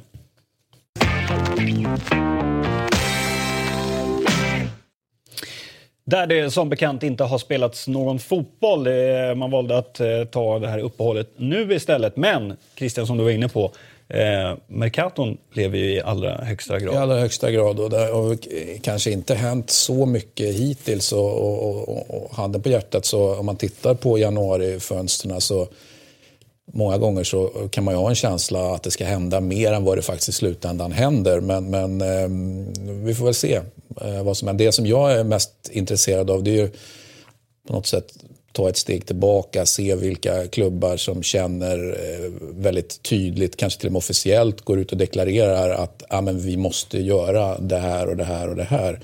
Kontra de som då eh, mår så pass bra så att de faktiskt säger att eh, de, de, de säger inte så mycket och, och gör kanske ingenting heller. Det är väldigt lätt att sortera in Juventus i det senare facket då, det vill säga att saker och ting är väldigt fint programmerat. Och sen finns det då klubbar då som, som, som jagar som är väldigt tydliga med att men vi måste göra någonting. Eh, det vill säga de är på något sätt stressade på ett sätt som Juventus inte är och det tycker jag, det tycker jag är spännande. Sen är det väldigt spännande att se eh, och, då tänker jag egentligen Napoli då som ju inte- ens jagar Juventus utan de ligger faktiskt för att bli jagade. Vi har Inter och, och eh, vi har Roma. Det är ju alla, alla tre klubbarna är ju egentligen väldigt tydliga med att de behöver, behöver få in framförallt eh, Napoli, Inter, till viss mån även Roma, även om det kanske är mer positionsspecifikt då på ett sätt som kanske de andra två klubbarna inte är. Men sen är det väldigt spännande att se eftersom eh, Juventus i Italien har första king. De unga spännande spelarna, vilka, vilka tar Juventus option på nu? Vilka ser de till att ligga längst fram? Vilka ser de till att köpa redan nu i januari? Låta spela kvar kanske halva säsongen, kanske ytterligare en hel säsong. Vilka, vilka tar Juventus? För Juventus får ta dem de vill. Och eh, det har inte suttit någon officiell eh, affär ändå, men det, det tisslas ju och tasslas ju om en del. Praet i Sampdoria till exempel. Han, eh, Cagliari, fast Perugia nu då. mycket prat om Pellegrini i, i Roma och eh, också ganska mycket prat om Emerson då, som snart är väl tillbaka från skada ju också i, i Roma. Och då blir det spännande. Två av de här spelarna är ju från Roma.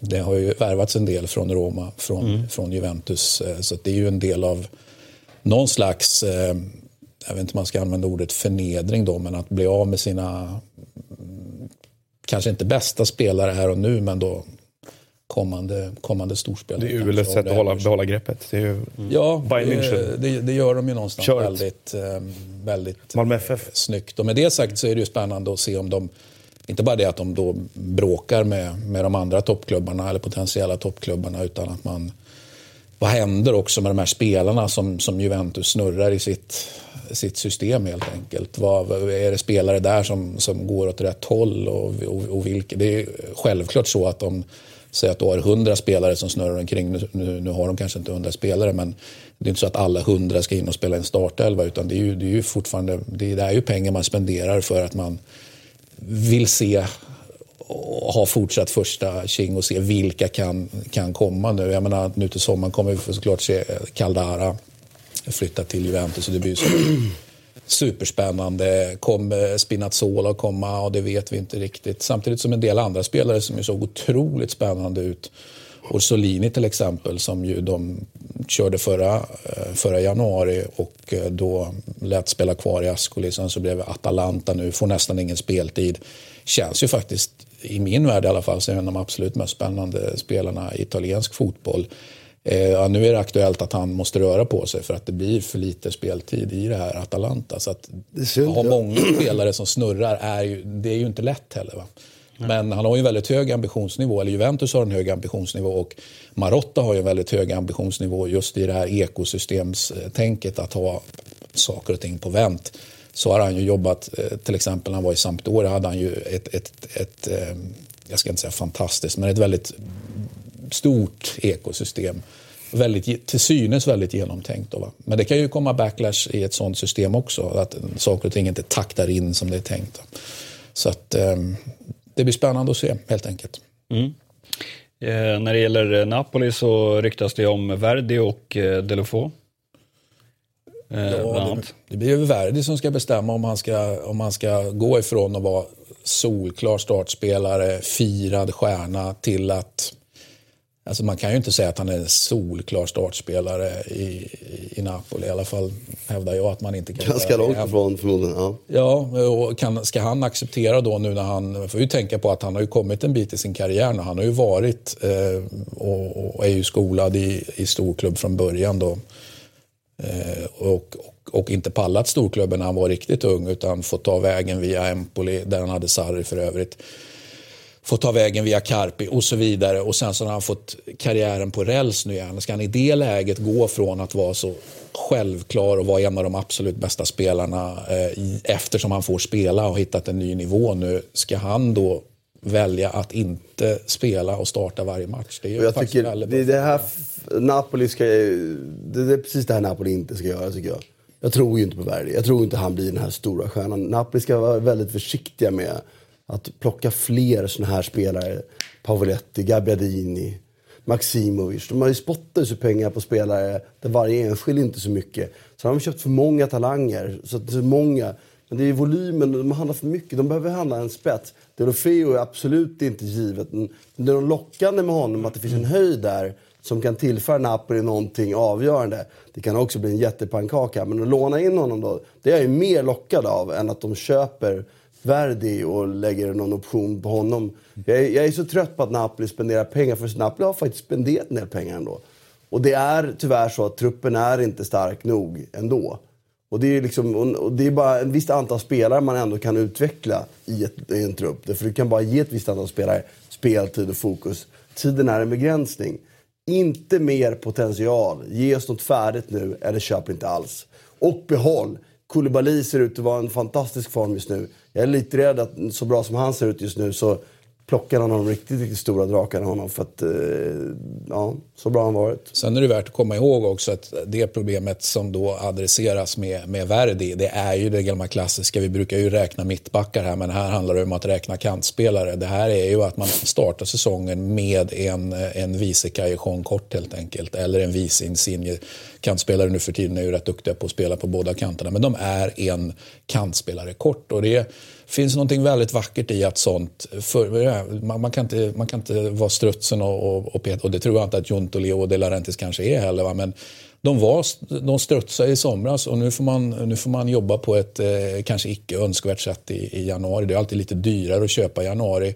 Med det sagt så tycker jag att priset på Verdi ändå är ju förhållandevis Vad är det sagt till? billigt. 20 plus 2 va? Fy fan, släng inte bort pengar. Herregud.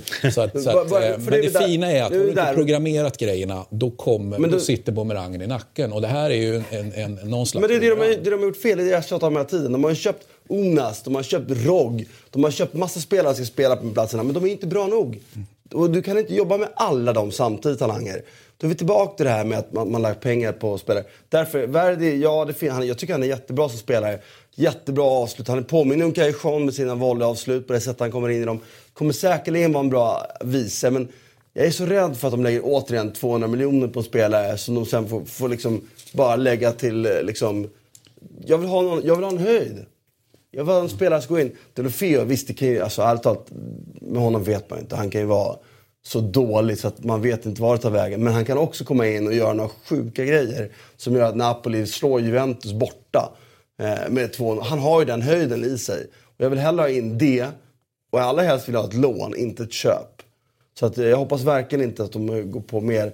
Med det sagt så, så blir det lite orättvist mot Verdi nu, för det, det är en bra spelare. Men det har varit för mycket av den typen av värvningar. Och det, Napoli har inte råd med att göra det. För de måste pricka rätt nu eller inte köpa alls tycker jag.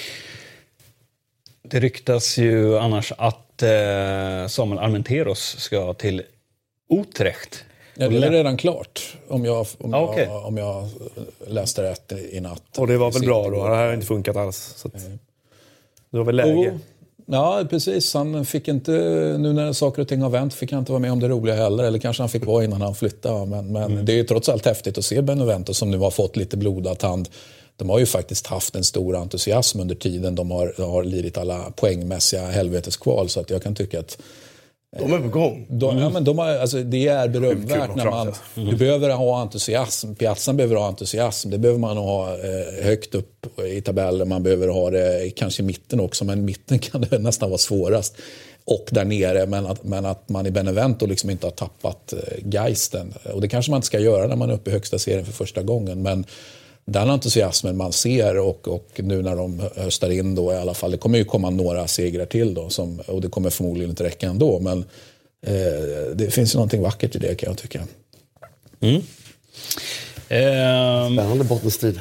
Ja men verkligen. Och, och återigen, mest spännande av allt ur mitt perspektiv, om jag ska hårdra det lite grann, är ju faktiskt att se, nu, nu är det den tredje Mercaton som sportchefen i Spal, då, Vanjati, som verkar, vad vi kan bedöma, vara en, en otroligt, eh, alltså på uppgång men också, också förhållandevis ung, hyperintressant sportchef som, som kan gå egentligen hur, hur långt som helst.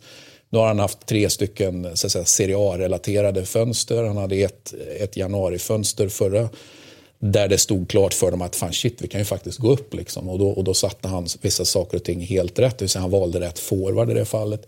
Sen hade han sitt första så att säga, riktiga Serie A-fönster i somras då han kanske blandade och, och, och gav så att säga. Och nu ska han då reparera misstagen eh, från det. Med det sagt gjorde inte han speciellt mycket fler misstag än andra gjorde. Jag tycker att han gjorde ett bra fönster. Men han vill ändå kalibrera och fingra på grejerna nu. Så det fönstret, är det något fönster jag, jag väljer att punktmarkera så är det faktiskt Spalls fönster. Det ska bli väldigt, väldigt spännande. Mm. Härligt. Vi gör så att eh, vi går till eh, Spanien.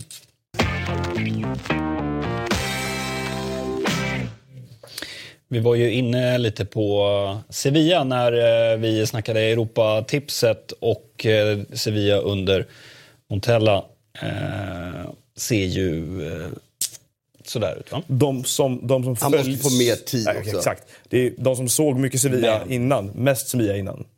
säger ju att spelet redan har lyft sig markant från Berizzo, även om de två resultaten är... Sen, så, sen en grej till med det här i, i bytet Berizzo-Montella som jag inte förstår. Jag såg flera göra poänger av nu, eh, skriva om olika, att det är karma för Sevilla för att de sparkade en tränare med cancer han fick inte sparken för att han hade fått cancer. Han fick sparken för att det inte såg så bra ut. Mm. Så att, menar, det finns väl ingenting... Alltså det är klart att du kan tycka att det är hjärtlöst gjort, men att dra in det som parameter här, liksom, eller tycka att det är... Ja, det, det, det, är att, det, är, det är att frångå hela ämnet på något sätt. Liksom. Det handlar inte om det. Om det.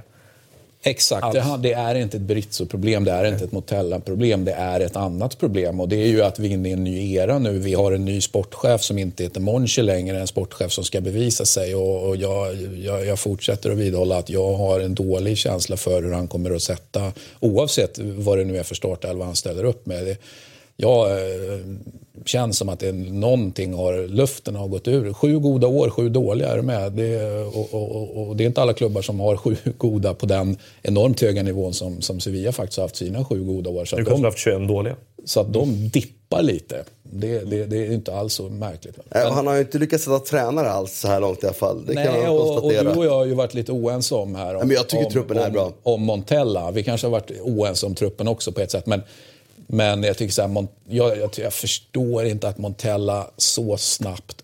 Att man ska upp i sadeln när man då har blivit så säga, sparkad, det, det är jag med på. Det är inte önskvärt att sitta i två år eller ett och ett halvt eller ett eller någonting. Men sku, hade inte Montella mått bra av att ändå ta det lugnt säsongen ut? Jag, jag, Men då har ju inte fått den här Hela chansen. min instinkt säger mig att men varför tar du det här jobbet så jävla snabbt? Jag förstår ju att det är jättekul att träna Sevilla, fina fotbollsspelare, fin, fin fotbollsklubb, fin arena. Livet fin leker. hymn när de går in på måste arenan. inte vara smartare än så. Och jag tycker, äh, du håller ju inte, vi är ju Nej, inte överens här. Jag, jag, jag, förstår ju ditt resonemang. Jag bara säger så här, du har inte lyxen att kunna välja. Du, du utgår från att, att liksom man, man sitter och drar i tråtarna. Så här, det, är, det är ju perfekt storm, pang, det dök upp. Jag måste ta det. Men en perfekt storm betyder också att du kan gå under den perfekta Absolut. stormen. Karriären kan ju ta slut här och nu. Ja, men det, det är ju bättre att ja. provat än aldrig provat. Så här, jag, jag vänder mig helt mot det du säger, men för att är det enda lärdomen jag själv drog, så här, ta chansen när man får den. De stilla tittar på kommer aldrig lyckas. Man måste prova. Och ingen tror att man inte är bra nog. Sen kan jag hålla med om ditt resonemang, för det tycker jag är logiskt. Han hade behövt konsolidera tankar och fundera och se och analysera. Eller så hade han inte det, så går det här hur bra som helst. Det har gått två matcher. Jo, men det, det, han hade, oavsett vilket så hade det ju varit bra att konsolidera. Det är ju alltid bra att göra. Men vad jag menar, och det här det, liksom, det handlar inte om det. Det handlar om att det här dök upp nu. Det är ett superjobb att få. You gotta fucking take it, annars är det borta. Och du jag får tycker jämför, jämför... Sitter de tre år så det bara fan, är inte, är inte livet det enda Med din man... kompis i Spal istället liksom. Det enda, ja, precis. Det enda man ändå kan säga så här, man ångrar ju väldigt sällan det man gjorde. Alltså, man ångrar ju allra mest det man inte prövade. Det här är, det hade varit idiotiskt att säga till det, det, det perspektivet, eller hur? Nej, men jag tycker, nu vill inte jag jämföra någon som tränare, men jag vill ändå jämföra någon som tränare. Ta Ancelotti här till exempel, som så många klubbar skulle kunna tänka sig, och ett italienskt landslag märk väl, skulle kunna tänka sig att göra klart med liksom här och nu. Ja, men in med Ancelotti. Eh, Vi vet inte om det är klart heller. Fick ju trots allt eh, sparken ganska tidigt.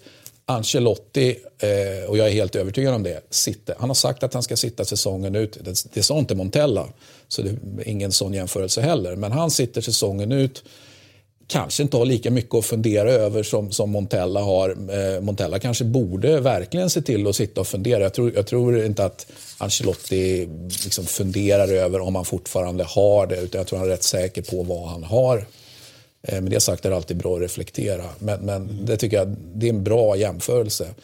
Du borde ha faktiskt funderat tycker... på vad du, har, vad, vad du åstadkom i ditt sista jobb. Vi, vad, vad var det för fel jag gjorde i den här i den bästa Milan-äventyret. I bästa av världar finns det utrymme och tid att få det. Det är en haltande jämförelse så tillvida också att eh, Ancelotti är jo, jo. där uppe. De är ju He makes olika i sina... Han gör inte det. För att ta sig dit upp måste han ta chanser.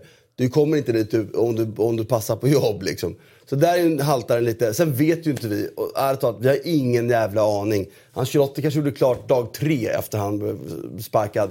Men de ska Jo, kommunicera men det han då. sitter, och, han, sitter, han sitter ändå och funderar. Han är inte inne i, en match, i ett matchtempo. Det vet vi inte. Han har kanske men tackat ja till ett jobb som leder till... Som ska Ja, men alltså, oavsett om han har fått det så Mm. sitter han ju inte inne att han är inne i en matchrytm där han helt plötsligt måste prestera i ett kort perspektiv. Utan han är väl medveten om att han ska prestera längre fram. Och han kanske vet exakt var han ska prestera, helst i Arsenal då. Ur ett Mm. Arsenal-perspektiv. Eh, Men, men eh, nej, jag tycker det, där, det är så... Det är så Uff, vad det inte kommer. Sen- Sorry, jag älskar Montella. Men Men, det där var inte smart. men jag, jag måste säga, sen, sen finns det ju däremot frågetecken för Montellas absoluta skicklighet. Ja. Det är ju en annan sak om, om det. Men diskussionen vi har nu är om han skulle tagit jobbet eller inte. Och även om jag håller med dig i sak att det är bra att reflektera, det är det alltid. Så jag tycker du missar poängen med hur matchen Jag tycker, jag tycker ändå, jag måste säga att jag gillade, jag gillade anställningen så tillvida att jag tycker att man från Sevillas ledningshåll kunde se förbi vad som hade hänt med Montellas aktie i Milan eftersom det fanns omständigheter där som inte gjorde det helt rättvist att belasta honom för mycket hur det gick. Utan man kunde komma ihåg var Montella stod innan dess och vad som var intressant med honom. Och klart det finns en massa frågetecken, det kanske inte alls funkar. Men att börja ropa fiasko efter två matcher, eh, nu är inte det Christian gör, det är inte det Christian gör. Nej, det- Men det finns andra som gör.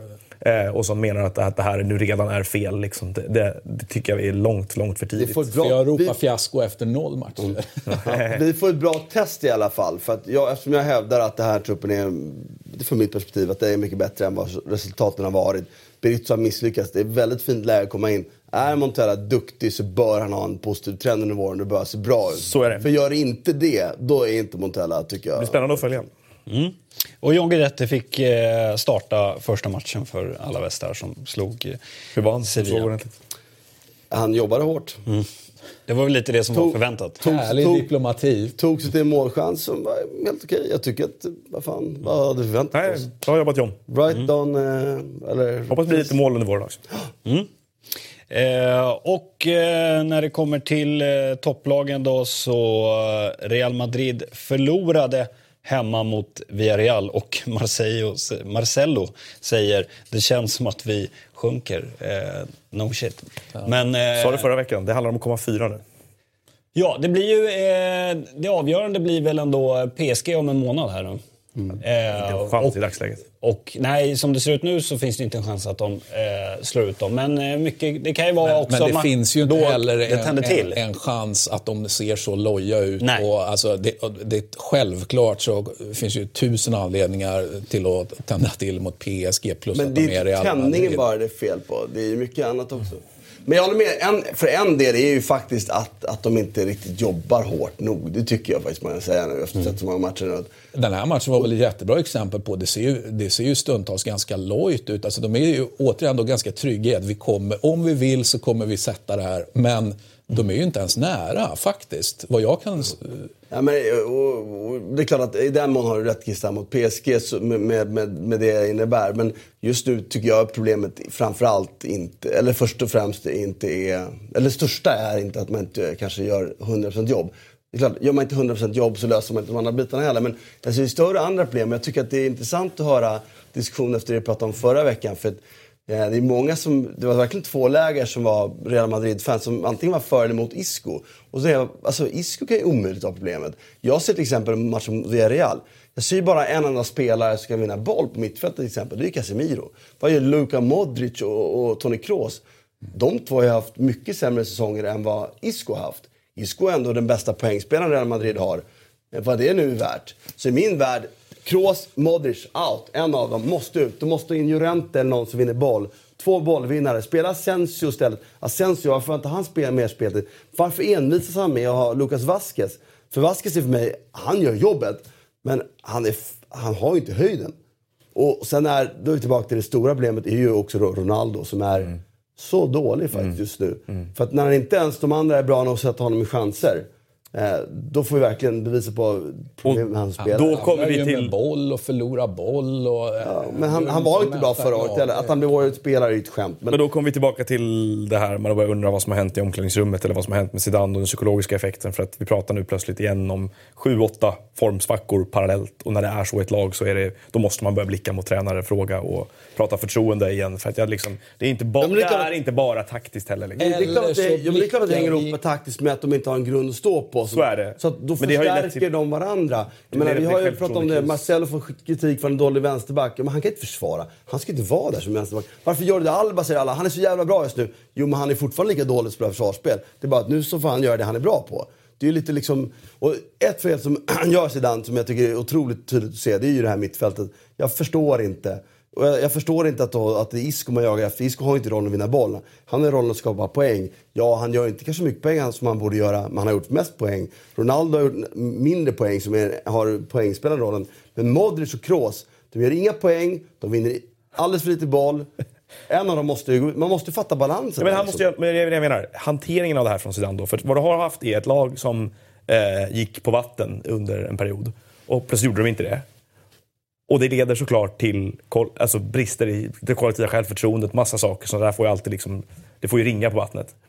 Att då inte vara förändringsbenägen eller kunna hantera den situationen med gruppen, det gör ju att du skapar fler problem för dig själv. Så är det med alla tränare tycker jag. Att det är, liksom, du tar dig ur svackor genom att göra förändringar. Du, gör, du tar dig ur dåliga trender genom att göra föränd, rätt förändringar eller hantera saker och ting på rätt sätt.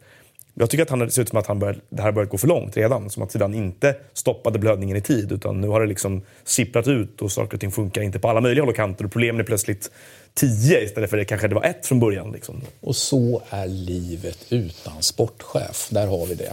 En sportchef här, märk väl, vi har pratat om det tidigare eh, efter den senaste sportchefen fick gå. Eh, Det har gått rätt bra under några år innan att det. han, att han, ja, Alla men- lag jag hejar på får det gärna ändå sportchef. Man vinner allt i två år. Och Men det sen, jag menar är en sportchef hade varit ett utmärkt boll. Vem är bollplank till, till Zidane här då?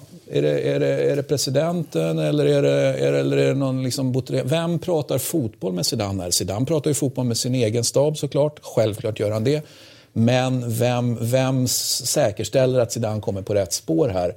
Det har man en sportchef till. Och eh, för mig Alltså, är det jag- ett supertydligt sportchefsproblem det här. Jag är absolut för att man ska ha en sportchef. Det är ju självfallet. En, en fotbollskunnig sportchef är ju extremt viktig såklart att ha ovanför en tränare. Men att peka på det nu blir lite löjeväckande eftersom de har varit utan sportchef vunnit allt i två år. Så, så kan man liksom inte riktigt säga någonting om det. Jag håller med dig. Man Det finns sportchef. ett pris att betala i längden Jo, för livet utan sportchef. Fast då, fast då om man har vunnit allt i två år och det priset blir det här så, så, de så är Real skulle, Madrid, är så skulle inte 9,999... Alla stjärnor slog rätt. Vad säger vi om Bonera då? Ponera. Var inte han som åkte och vann med 1-0 på... Nej. Nu är jag inte alls Är med. jag borta här? Jag vet inte ens vad du pratar om nu. Är det Villarreal? Ja. Alltså tränare? Tränar inte han Villarreal? Har jag fått för mig det? Ja, men, alltså, jag fattar inte kopplingen. Men gör, eller har jag fel? Jag, jag hänger Blir inte med. alla alls. reagerar Nej, sådär. jag blev liksom bara... Va, va, va, va, Pinsamt ögonblick. ja, vi gick från att prata Real till något helt annat. Ja, var men vi klara med slog- Real? Liksom? de, de slog... Ja, det var vi väl? Nej, men för jag, nej, för jag skulle vilja på lite det. För ni sa ju två olika saker här. Du tror att det- blödningen är för stor att stoppa. Du tror att de Mm. med PSG. Jag tror ändå, med den kvalitet de har, så tror jag att vadå blödning, så stor är... Det krävs inte så mycket för att det här ska bli ett lag som ska vinna Champions League igen. Det är otroliga fotbollsspelare. Men Exakt, och deras, deras stolthet sårad. Alltså den, man kan ju tycka så här, hur kan den inte vara sårad nu då? Men, men, eh, och det är den ju bevisligen inte, för då tror jag att man som grupp ändå hade hanterat det här på ett faran- annat sätt. Men i matchen mot PSG, då är ju stoltheten på, på maxnivå. Så att jag, ur ett realperspektiv, de kan förlora matchen mot P- PSG ändå, men eh, jag, jag, säger att de har en utmärkt chans mot PSG. Eh, Det blir de kommer att tända till. Dubbelmötet blir i alla fall, det, det, alltså med respekt för alla andra lag, så är det det jag kommer vilja se. Jag har ansökt också om att få biljetter till PSG. Det känns ju nu så här med fast i hand som helt fantastiskt. Bara för det så vinner väl typ PSG första borta med 4-0. Mm, och så tokfaller. Jag har drömt att Bonera tränar Villarreal. Han tränar inte Villarreal. Han spelar i Villarreal fortfarande. Ehm, med Barcelona då, som eh, vände mot eh, Real Sociedad. Första vinsten sedan 2007 eh, där men- borta. Och eh, eh, Valverde avslutar första halvan av säsongen på 51 poäng. Bara en poäng efter Peps rekord. Nej, Tite det? Villanova har rekordet första halvan. Jag får med. Jag tror det är det tredje bästa de har haft. Barcelona. Ja, det spanska medier skrev sådär idag i alla fall. Ja, jag har för mig att det är tredje. Men det, det är några saker man tar med sig av den här matchen. Är ju, det viktigaste är ju att det här är, det här är året. För vinner man borta på Anoeta, det är en svår motståndare och, och, och, och gör det med underläge 2-0. Och det mål, okej, de har faktiskt tur. Den frisparken Rakitic får, får med sig utanför straffområdet är ju extremt billig. Där kan du lika, redan där vara 2-0. Å andra sidan så har ju... Men vad ska du vara storlag för om du inte har den typen av Nej, men, fördelar? ja, men den, typen av, den tycker jag är situationsanpassad. Men eh, det har även tur att 2-0 målet sitter. De har det? Ja, Sociedad har det. Ja, exakt. Ja, och, och- men det är det jag försökte komma till, att, att det är ju sådana otroliga mål att släppa in och i ett sånt bortamöte och ändå klara att vända. Det är ju alltså det är, det här är året säger man ju då, eller känner jag då direkt. Suarez ser Bättre ut. bättre och bättre och bättre ut. Vi pratade om det för någon tre, fyra veckor sedan här, att, att han var på väg uppåt. Nu är det, här var hans bästa match. Ja, tajmingen i det han gör innan 1-2 målet va? När han assisterar Ja, Paulinho i han gör- löpningen och allting är så jävla bra alltså. Det, det tycker jag han haft hela tiden. Han har alltid löpningar. Däremot så tycker jag att han gjorde någon ryck med bollen igen. Fan, han, tidigare i höstas när han ryckte såg det ut som de, sprang, de andra gick ifrån honom nästan. Och sen tycker jag det är tydligt när Paulinho gick ut och Dembélé går, gick kom in att det blir sämre. Jag tycker balansen blir fel. Dembélé ska inte användas. Coutinho kan man använda i det, system man har. Men byt för i helvete inte bort det här 4-4-2 diamanten man spelar nu. Paulinho är Bakero. Det är så jävla vackert tycker jag. Alltså. Och han är ju också missade grejer, men han är ju där igår igen. Men det är ju inte, det är inte bara alltså jag menar att, att det står 2-0, det är- Sociedad kliver ju in väldigt bra i den här matchen tycker jag. De spelar väldigt bra i första halvtimmen. Ja, fast det är ju typ första anfallet de är mål på. De hade ju Och sen har de ju flera halv... de ju- superchanser innan. Det sätter ju kunde- ändå press på dem ganska bra. Ja, ja, ja. Så det är inte bara en slump att de plötsligt ligger under med Nej, 2-0. men det var ett bra lag. Men jag tycker absolut att Barcelona, när de med 2-0 så hade Barcelona haft riktigt oflyt i den här matchen. För de hade ju, haft, de hade ju innan Sociedad gjorde 1-0 så har ju Barcelona åtminstone två riktigt bra målchanser. Så att det, nej, men, och det är ju ett jättebra motstånd. Var jättefin eh, liksom, historia där. Jag älskar ju Mm. den, den stan, den klubben är ju... Ja, det är alltid svårt för dem. Ja, så det, det, det, det är inte så. Men jag, jag tycker att det är ett enormt styrkebesked. Sagt. Ja, det var det verkligen. Kanske toppat formen lite för tidigt, vi får se. Men det ser ju riktigt, riktigt bra ut. Och Coutinho går att använda i det befintliga systemet. För det tyckte jag också igår, när inte Iniesta är med så är de ju lite sämre. Eller var det förrgår? Igår? Igår var han inte med. Nej men igår de spelade. Ja. Eh, där är ju Coutinho en naturlig ersättare att spela. Men vad de än gör, det går inte över till det här 4-3-3 med, eller 4-4-2 med Dembele, Dembele på ena kanten. Det tycker jag blir för obalanserat. Ja, ett jävla avslut till... Var det 2-2 målet när han sätter den på en touch i bortre? Suarez, när han lobbar, eller lo- lobbchippar. Ja, den är, Det helt sjukt. det ser sjuk ut som att den ska gå långt det är 2-2, utanför. 3-2. 2-2 målet. Eh, det var briljant. Ja, med det så går då- vi Så vidare ska säga, om inte, um, jag menar, Valencia-supportrar får ursäkta, vi pratade om det innan du och jag Mm. Men de kommer inte slåss om den här titeln. Atletico Madrid, om de gör en fantastisk vår och Barcelona, vilket de kan göra, och Barcelona verkligen faller ihop så kan de vinna, men nej, det ser... Men Valencia ser ut att gå till Champions League. Och bara se 19 jävla poäng som skiljer är också helt overkligt. Man får nästan nypa sig i armen för att, för att begripa. Men jag, jag kan inte minnas att jag sett en sån utveckling från det, det massakerandet. Återigen, Barcelona roterade, det var Valverdes andra tävlingsmatch.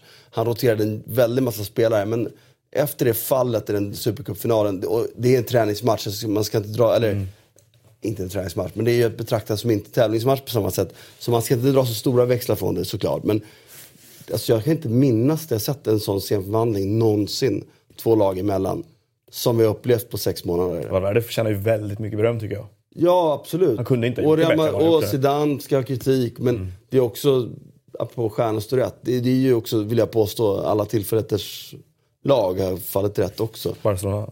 Men kan, kan ni minnas någon, någon sån scenförvandling två lag emellan? Nej, nej. I, någonsin? Du Christian som har varit med. Nej, inte på rak I arm. Tre decennier mer får man... Ja, det är ju helt, det är helt sjukt. Och jag förstår de Real Madrid-supportrar nu som... Jag menar, det måste ju vara så otroligt smärtsamt att gå från att vara the best till att faktiskt vara ganska långt ner i pyramiden på så kort tid. Nu går vi vidare till Tyskland, Christian. Wow. Chockad alltså. Där jag eh, spoilade då för Christian, jag tror att du hade koll på det ändå i och för sig. Men eh, Alexander Isak eh, fick ju 68 minuter mot Wolfsburg, startade ju. Eh, bland annat när Aubameyang eh, hamnade eh, utanför truppen som vi pratade om tidigare. Och, startade han hade en stolpträff, Isak. Det hade Jadon Sancho också, 17-åriga britten som de var från City inför säsongen. Så var en ung elva. Ja, eh, det var ju såklart många svenskar som eh, blev pirriga av att eh, Isak startade och många började prata om att, ja men, vad tänker Janne Andersson? Han ser det här och VM i sommar och, och sådär. Hold your horses. Ja. Det är kul att spekulera så. Mm. Eh, Men det är såklart, det är, det är vår största anfallstalang sen, sen Zlatan. Det är klart att många vill se att det här ska gå väldigt bra. Och så vidare och så vidare. Eh, och det är ju bra att han startar i ett lag som Dortmund. Jag skulle, vilja, jag skulle vilja se honom göra fem matcher. Alltså, jag skulle vilja se honom spela fem matcher i rad för att se hur han akklimatiserar sig. För att det är rätt naturligt att det ser inte helt vant ut. Det gör det inte riktigt. Alltså, i både hur han ska ligga, och det är väl en självförtroendefråga också kanske i hans fall, att komma in och ta för sig och, och göra saker på ett visst sätt. Så jag tycker inte han var dålig på något sätt. Men, eh, Det är Tvärtom, jag tycker ju vissa aktioner också som klass. Touchen före skottet som ja, det är, stryker ribban liksom. Det sånt han gjorde mycket i Allsvenskan som, Jo, var visst, men alls- fick en att förstå att okej, det här är killen. Ja men i. Allsvenskan är en sak. Här är det lite fortare lite kort, mindre om tid, eller mycket Mm. fortare. Du har, men den touch man tar för att komma till skott härifrån och dit, här måste vara mycket mer precis ändå. Ja, och den sitter ju. Så jag tycker att bitar såg, nu såg inte jag hela matchen, jag valde en annan match istället. Men det jag såg av klippen från det och, och man tittar ner så håller jag med lite om det Noah antydde lite att han har lite svårt tycker jag i rörelse men alltså i anfallet. Det blev liksom lite stillastående. Visste inte när han skulle gå. Det, det, sånt måste man ju spela Det- till till viss del. De ockuperar straffområdet, han gömmer sig lite i bortre stolpen, han kanske borde attackera första ytan. Såna grejer, Men, tycker men touchen var, touchen är ju faktiskt riktigt, riktigt, riktigt bra. Men det behöver göra mål i de här matcherna. Ska han spela, få mer speltid, Som så 18-åring. bör han... Alltså det är ju... Det är klart att man alltid i slutändan får den karriär man förtjänar, mer eller mindre i alla fall. Men eh, vill man ha lite mer fart på det så är det bra att sätta de här chanserna. Liksom. Men han är 18. Han gör inget fel, men du Han vet, är små 18. marginaler liksom. Visst, men jag tycker, eh, och det beror på vad som händer med Aubameyang och vad de, om de plockar in någon annan här nu. Det har ju pratats om att han skulle gå till Mainz på lån. Eh, det är ju läge, han har ju haft ett år nu här och marineras i Dortmunds träningsmiljöer. Det är ju läge att han börjar spela lite matcher igen som 18-åring känns det som. Så att antingen, jag tycker inte att det är en dum idé att han spelar i Zweite. Alltså, heller. Alltså, han måste inte spela i Bundesliga, bara han spelar matcher och, och, och vänjer sig vid, vid att spela matcher på den här nivån. För att det är väl just det. Jag tror han behöver en vana. Jag tycker att när han- gjorde debut i Allsvenskan så tog det ganska kort tid för honom att acklimatisera sig och förstå tempot och läsa av matcherna och sådär. Att, att han såg ganska varm ut i kläderna ganska fort. Jag tror att han har väldigt lätt att lära och att det skulle gå fortfarande med Bundesliga också. Jag tror bara att frågan är om det finns tålamod med honom fem matcher i rad i Dortmund som ändå förväntar sig att sluta väldigt högt upp. Om, om han då har så kort startsträcka som du säger så är ju det ett argument emot Zweite, tycker jag då personligen. Då ska han ju i sådana fall lånas ut någonstans i, i, I Bundesliga. högsta serien. Ja, det tycker jag- det tycker jag också. Det är det som har pratats. eh, Om han redan nu skulle bli devalverad till och, och, och gå ner ett steg, då tycker jag den signalen, den skulle vara, då får du vara jävligt bra som agent för att... Och, och, och, och, Jag undrar, bara om, jag undrar bara om något lag i Bundesliga vågar starta med en 18-åring på Ja, topp. det är ju en annan femma. Men, Det är ju- men, eh, Är han bra nog så gör alla det. Liksom. Ja.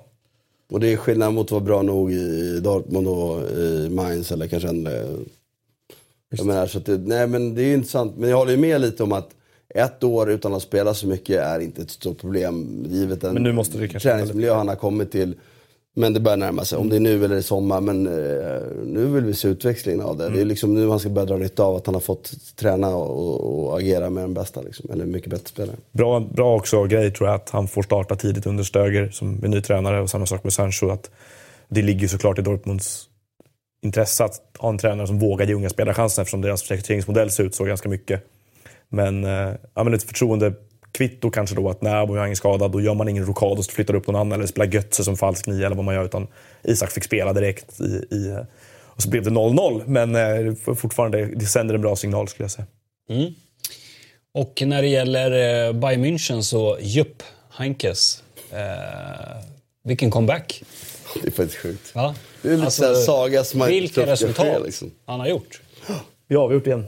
Han är fantastisk. Och eh, det är ju såklart att Bayern München vi gärna ju, ville ha honom hur? nästa säsong också. Ja, att han fortfarande var det, det kunde vi inte veta heller. Men, eh, Ja, det är sjukt. Alltså. men det är en, en, en utomordentlig tränare och eh, han är för jävla cool också. Ja, det tycker jag också. Det, det här är ju någonstans...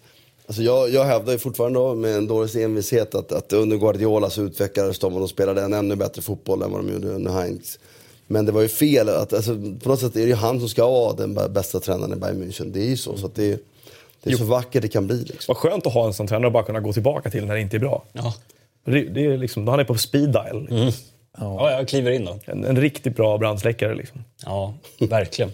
Ehm, ja, vi, det blev lite kortare i Tyskland där. Eh, noterade ju, det är väl knappast någon som har missat det, i franska ligan när eh, eh, Nantes spelare blev eh, krockade med domaren och domaren sparkar honom och sen ger honom ett andra gult och visar ut honom. Det är, Men- fakt- det är nästan domaren som kapar ju spelaren här. i menar, nästan domaren gör en eftersläng. Ja, Den är ju- ja, det är en Jo, efterslängen är ju sjuk, men jag menar... Nej, i fällningen menar du? Fä- när de liksom krockar, det är ju domaren som Ja, springer in i hans löpväg Mm. ju. Eh, Nej, det är en av de mest bisarra eh, sekvenserna man har sett. Alltså. Sen får han väl rött kort för att han tjafsar efteråt, eller knuffar domaren efteråt va? Tror jag. ja, Eller det för en är knuff. intressant att se efterspelet på Men det det blir ju väldigt olyckligt. Den här efterslängen är ju... Den är ju liksom inte... Det är, det är, det är inte i smyg. Han kunde vinkla röda korten mot sig själv bara. Och... Ja, den var bisarr. Nej men Eh, det, det, det är ju verkligen, alltså, det här måste ju, så där får man ju inte agera. Du får ju såklart Han måste domare. bli avstängd. Ja exakt. Det är ju slutdömt för honom i år. Ja, det, ja, det fan, liksom, han, ska väl, han får fan börja om i division 5. Det, Ja, var om något, den karriären återhämtar sig, det, det, det kan han ju omöjligt göra. det är ju samma domare förstod jag det som. Eh, jag kommer inte ihåg om det var Gusten eller någon som skrev det någonstans. Att, som vägrade ge Zlatan matchbollen efter ett hattrick en gång också. Att han verkar ju vara lo- egen. Alltså. Ja. Men det är ju så här, man har förmånen med att åka runt och, och liksom jobba med olika ligor och sätta mycket matcher. Det är ju roligt, eller roligt, det är ibland tråkigt, men att konstatera eh, en del skillnader. Jag, menar, jag håller ju italienska domare som visserligen petiga men ganska duktiga på att följa en viss rytm. Liksom. Och sen har de den här fåfänga med, du vet, hur de håller kor- Det är så här, liksom, det här franska domare upplevde jag som extremt arroganta. Det speglar ju verkligen bara den bilden. Och, och tycker att de var så jävla mycket mäktigare än de spelarna de dömde. För det fick jag känslan av så flera gånger. Man bara, vad gör de för något? Det där så det där jag är skulle bara nästan vilja ha den här som det, liksom. tavla. Alltså. Ja, den är Den här fantastisk. Den är, den är fin på något sätt. Ja, det är årets bild. Ja. Det, är, det, det finns ju inget som kan spöa Det är underbart med fotboll att det här händer. Alltså. Ja, verkligen. Men det är faktiskt, som sagt, det är färdigdömt. Så är det ju. Han blev, jag tror han blev bortplockad. Han skulle dömt eh, Troy, Troa, Troy, Troa. Troa Angers. I, Jag tror du ska säga Troja Ljungby. Och... ja, det tror jag de är. Eh, ja, eh, härligt med lite sådana där scener också ändå. Nu ska vi runda av och eh, vi går tillbaka till det vi eh, inledde med, nämligen eh, status eh, Ronaldo. Och det var ju en högerback i 4-4-2 som vi nu bestämt. Nej, eh, två av tre panelmedlemmar gäspar här nu. Ja, Eh, Jag är sist ut. Okej, vad har vi då för högerbackar? Vi går ju som, Men vadå, vi, som pratar, klockan va? vi diskuterar väl tillsammans? Ja, det kanske vi gör. Mm, Jag säger så här, det är ju uppenbart att man måste gå på den backlinjen som har det bäst. Och då har vi ju redan haft med Tassotti. Tassotti är ett alternativ, jag håller med. Helt klart. Sen börjar jag tänka på hur det såg ut i eh, Real Madrid i slutet på 90-talet där. För de vann ju också med ett jävligt bra lag. Juventus, vad hade de för något? Ajax? Kom Thuram till Juventus på 90-talet? Nej, han kom dit på 2000-talet va? Nej, han kom på 90-talet. Thuram vann VM-guld 98 också. Juventus snurrar ju på sin eh, hö, högerbacks Det blev ju Zambrotta sen. position. Men det var kanske senare. Men det var Ja, Thuram sen bytte ju, precis. Och sen var ju Zambrotta vänsterback också och, och hit och dit. Liksom. Nej, jag, jag måste säga så här, jag, jag har suttit och fingrat på den där elvan och, och eh, är det någonting jag har problem med så är det faktiskt backlinjen. Det känns, det känns jag... Det Vadå, i övrigt? Alltså Baresi för mig, det, det går inte bort sig från. Maldini går inte bort sig från. De två Nej, det, nej kanske inte världshistorien. men, men jag har, säg att jag har ett ytterbacksproblem då. Eh, sen har ju inte jag... Eh, Så jag sen håller- har jag Jerry i mitten då såklart. Va? Men, men, eh, och det går ju att argumentera för att med Jerry i mitten då har du, då har du säkrat oavsett vilka övriga du ställer upp med. Så att, Då får ju Maldini spela till vänster menar du? Cafu spelat två VM-finaler. mm. Cafu. Spelade han på 90-talet som bäst? Ja. 98 och 2002? Ja, Som Han- bäst. han Han spelar ju spelar väl- bra spelar väl jävligt VM-final länge. 94 så får vi också. säga. men fan, då tycker jag Cafu är ett bra val liksom. Cafu är lite roligare. Tassotti var ju ändå den tråkiga delen redan. Juve tog Birindelli, Roma tog Cafu. Har vi Ja, men? Cafu är väl ett jättebra val. Även jag vill, jag vill ge honom hans största cred efter millennieskiftet. Men jag minns inte det om jag ska vara alldeles rak Han spelade VM-final 2002 också och sen är det bra i Milan sen där. Klubbar vi igenom det då? Cafu är väl ett bra val. Du gillar Jag inte det här? tycker, Nej, jag, jag, jag tycker mycket om Cafu. Han är, han Men är, säg jag, jag, säger så här, vi, nej jag, jag har ingen på rak arm. Utan jag säger så här, vi kommer att ha så pass starkt mittlås så att Cafu kan få råd gå att ha Cafu. som ett spett på den kanten. så är det Jerry, Baresi, Maldini. Det är backlinjen är ju satt den. Liksom. Härligt. Exakt, och det är en som attackerar. Ska vi, in, vi ska in Cafu. en britt tror jag, vi tar det sen. Ja, det är klart. Ja, vi ska ha en grafik på As Ascarelli eller inte Ascarelli. Ja, men har vi det då? Vi får se. Ja, vi måste få De har resultat. tio sekunder på sig. För Ja, sen men måste ett resultat måste vi kunna få. Att, ja, de är osäkra på det, till, och- till och med. De håller på och eh, bildgooglar eh, Ronaldo Det 90-tal. där var ju från förra programmet. Jag tror det slutar sådär också faktiskt. Jag var inne och kollade sen. Vi får gå in och kolla. Att Peter Kenyon fick Ja, Men- han var faktiskt inte tillräckligt bortglömd. Man kan eh, alltså gå in på Europatipset eh, och hashtaggen status Ronaldo som det nu heter då alltså och eh, gå in själv där och skriv vem eh, du tycker ska vara den givna bästa högerbacken under 90-talet. Eh, med det så säger vi tack för idag och eh, vi laddar upp inför Eurotalk Weekend som är på torsdag precis som vanligt. Vi ses då. Tack och hej. Jo.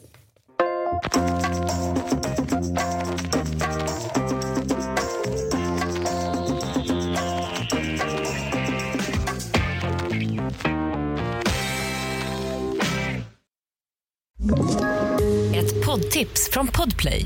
I fallen jag aldrig glömmer djupdyker Hasse Aro i arbetet bakom några av Sveriges mest uppseendeväckande brottsutredningar.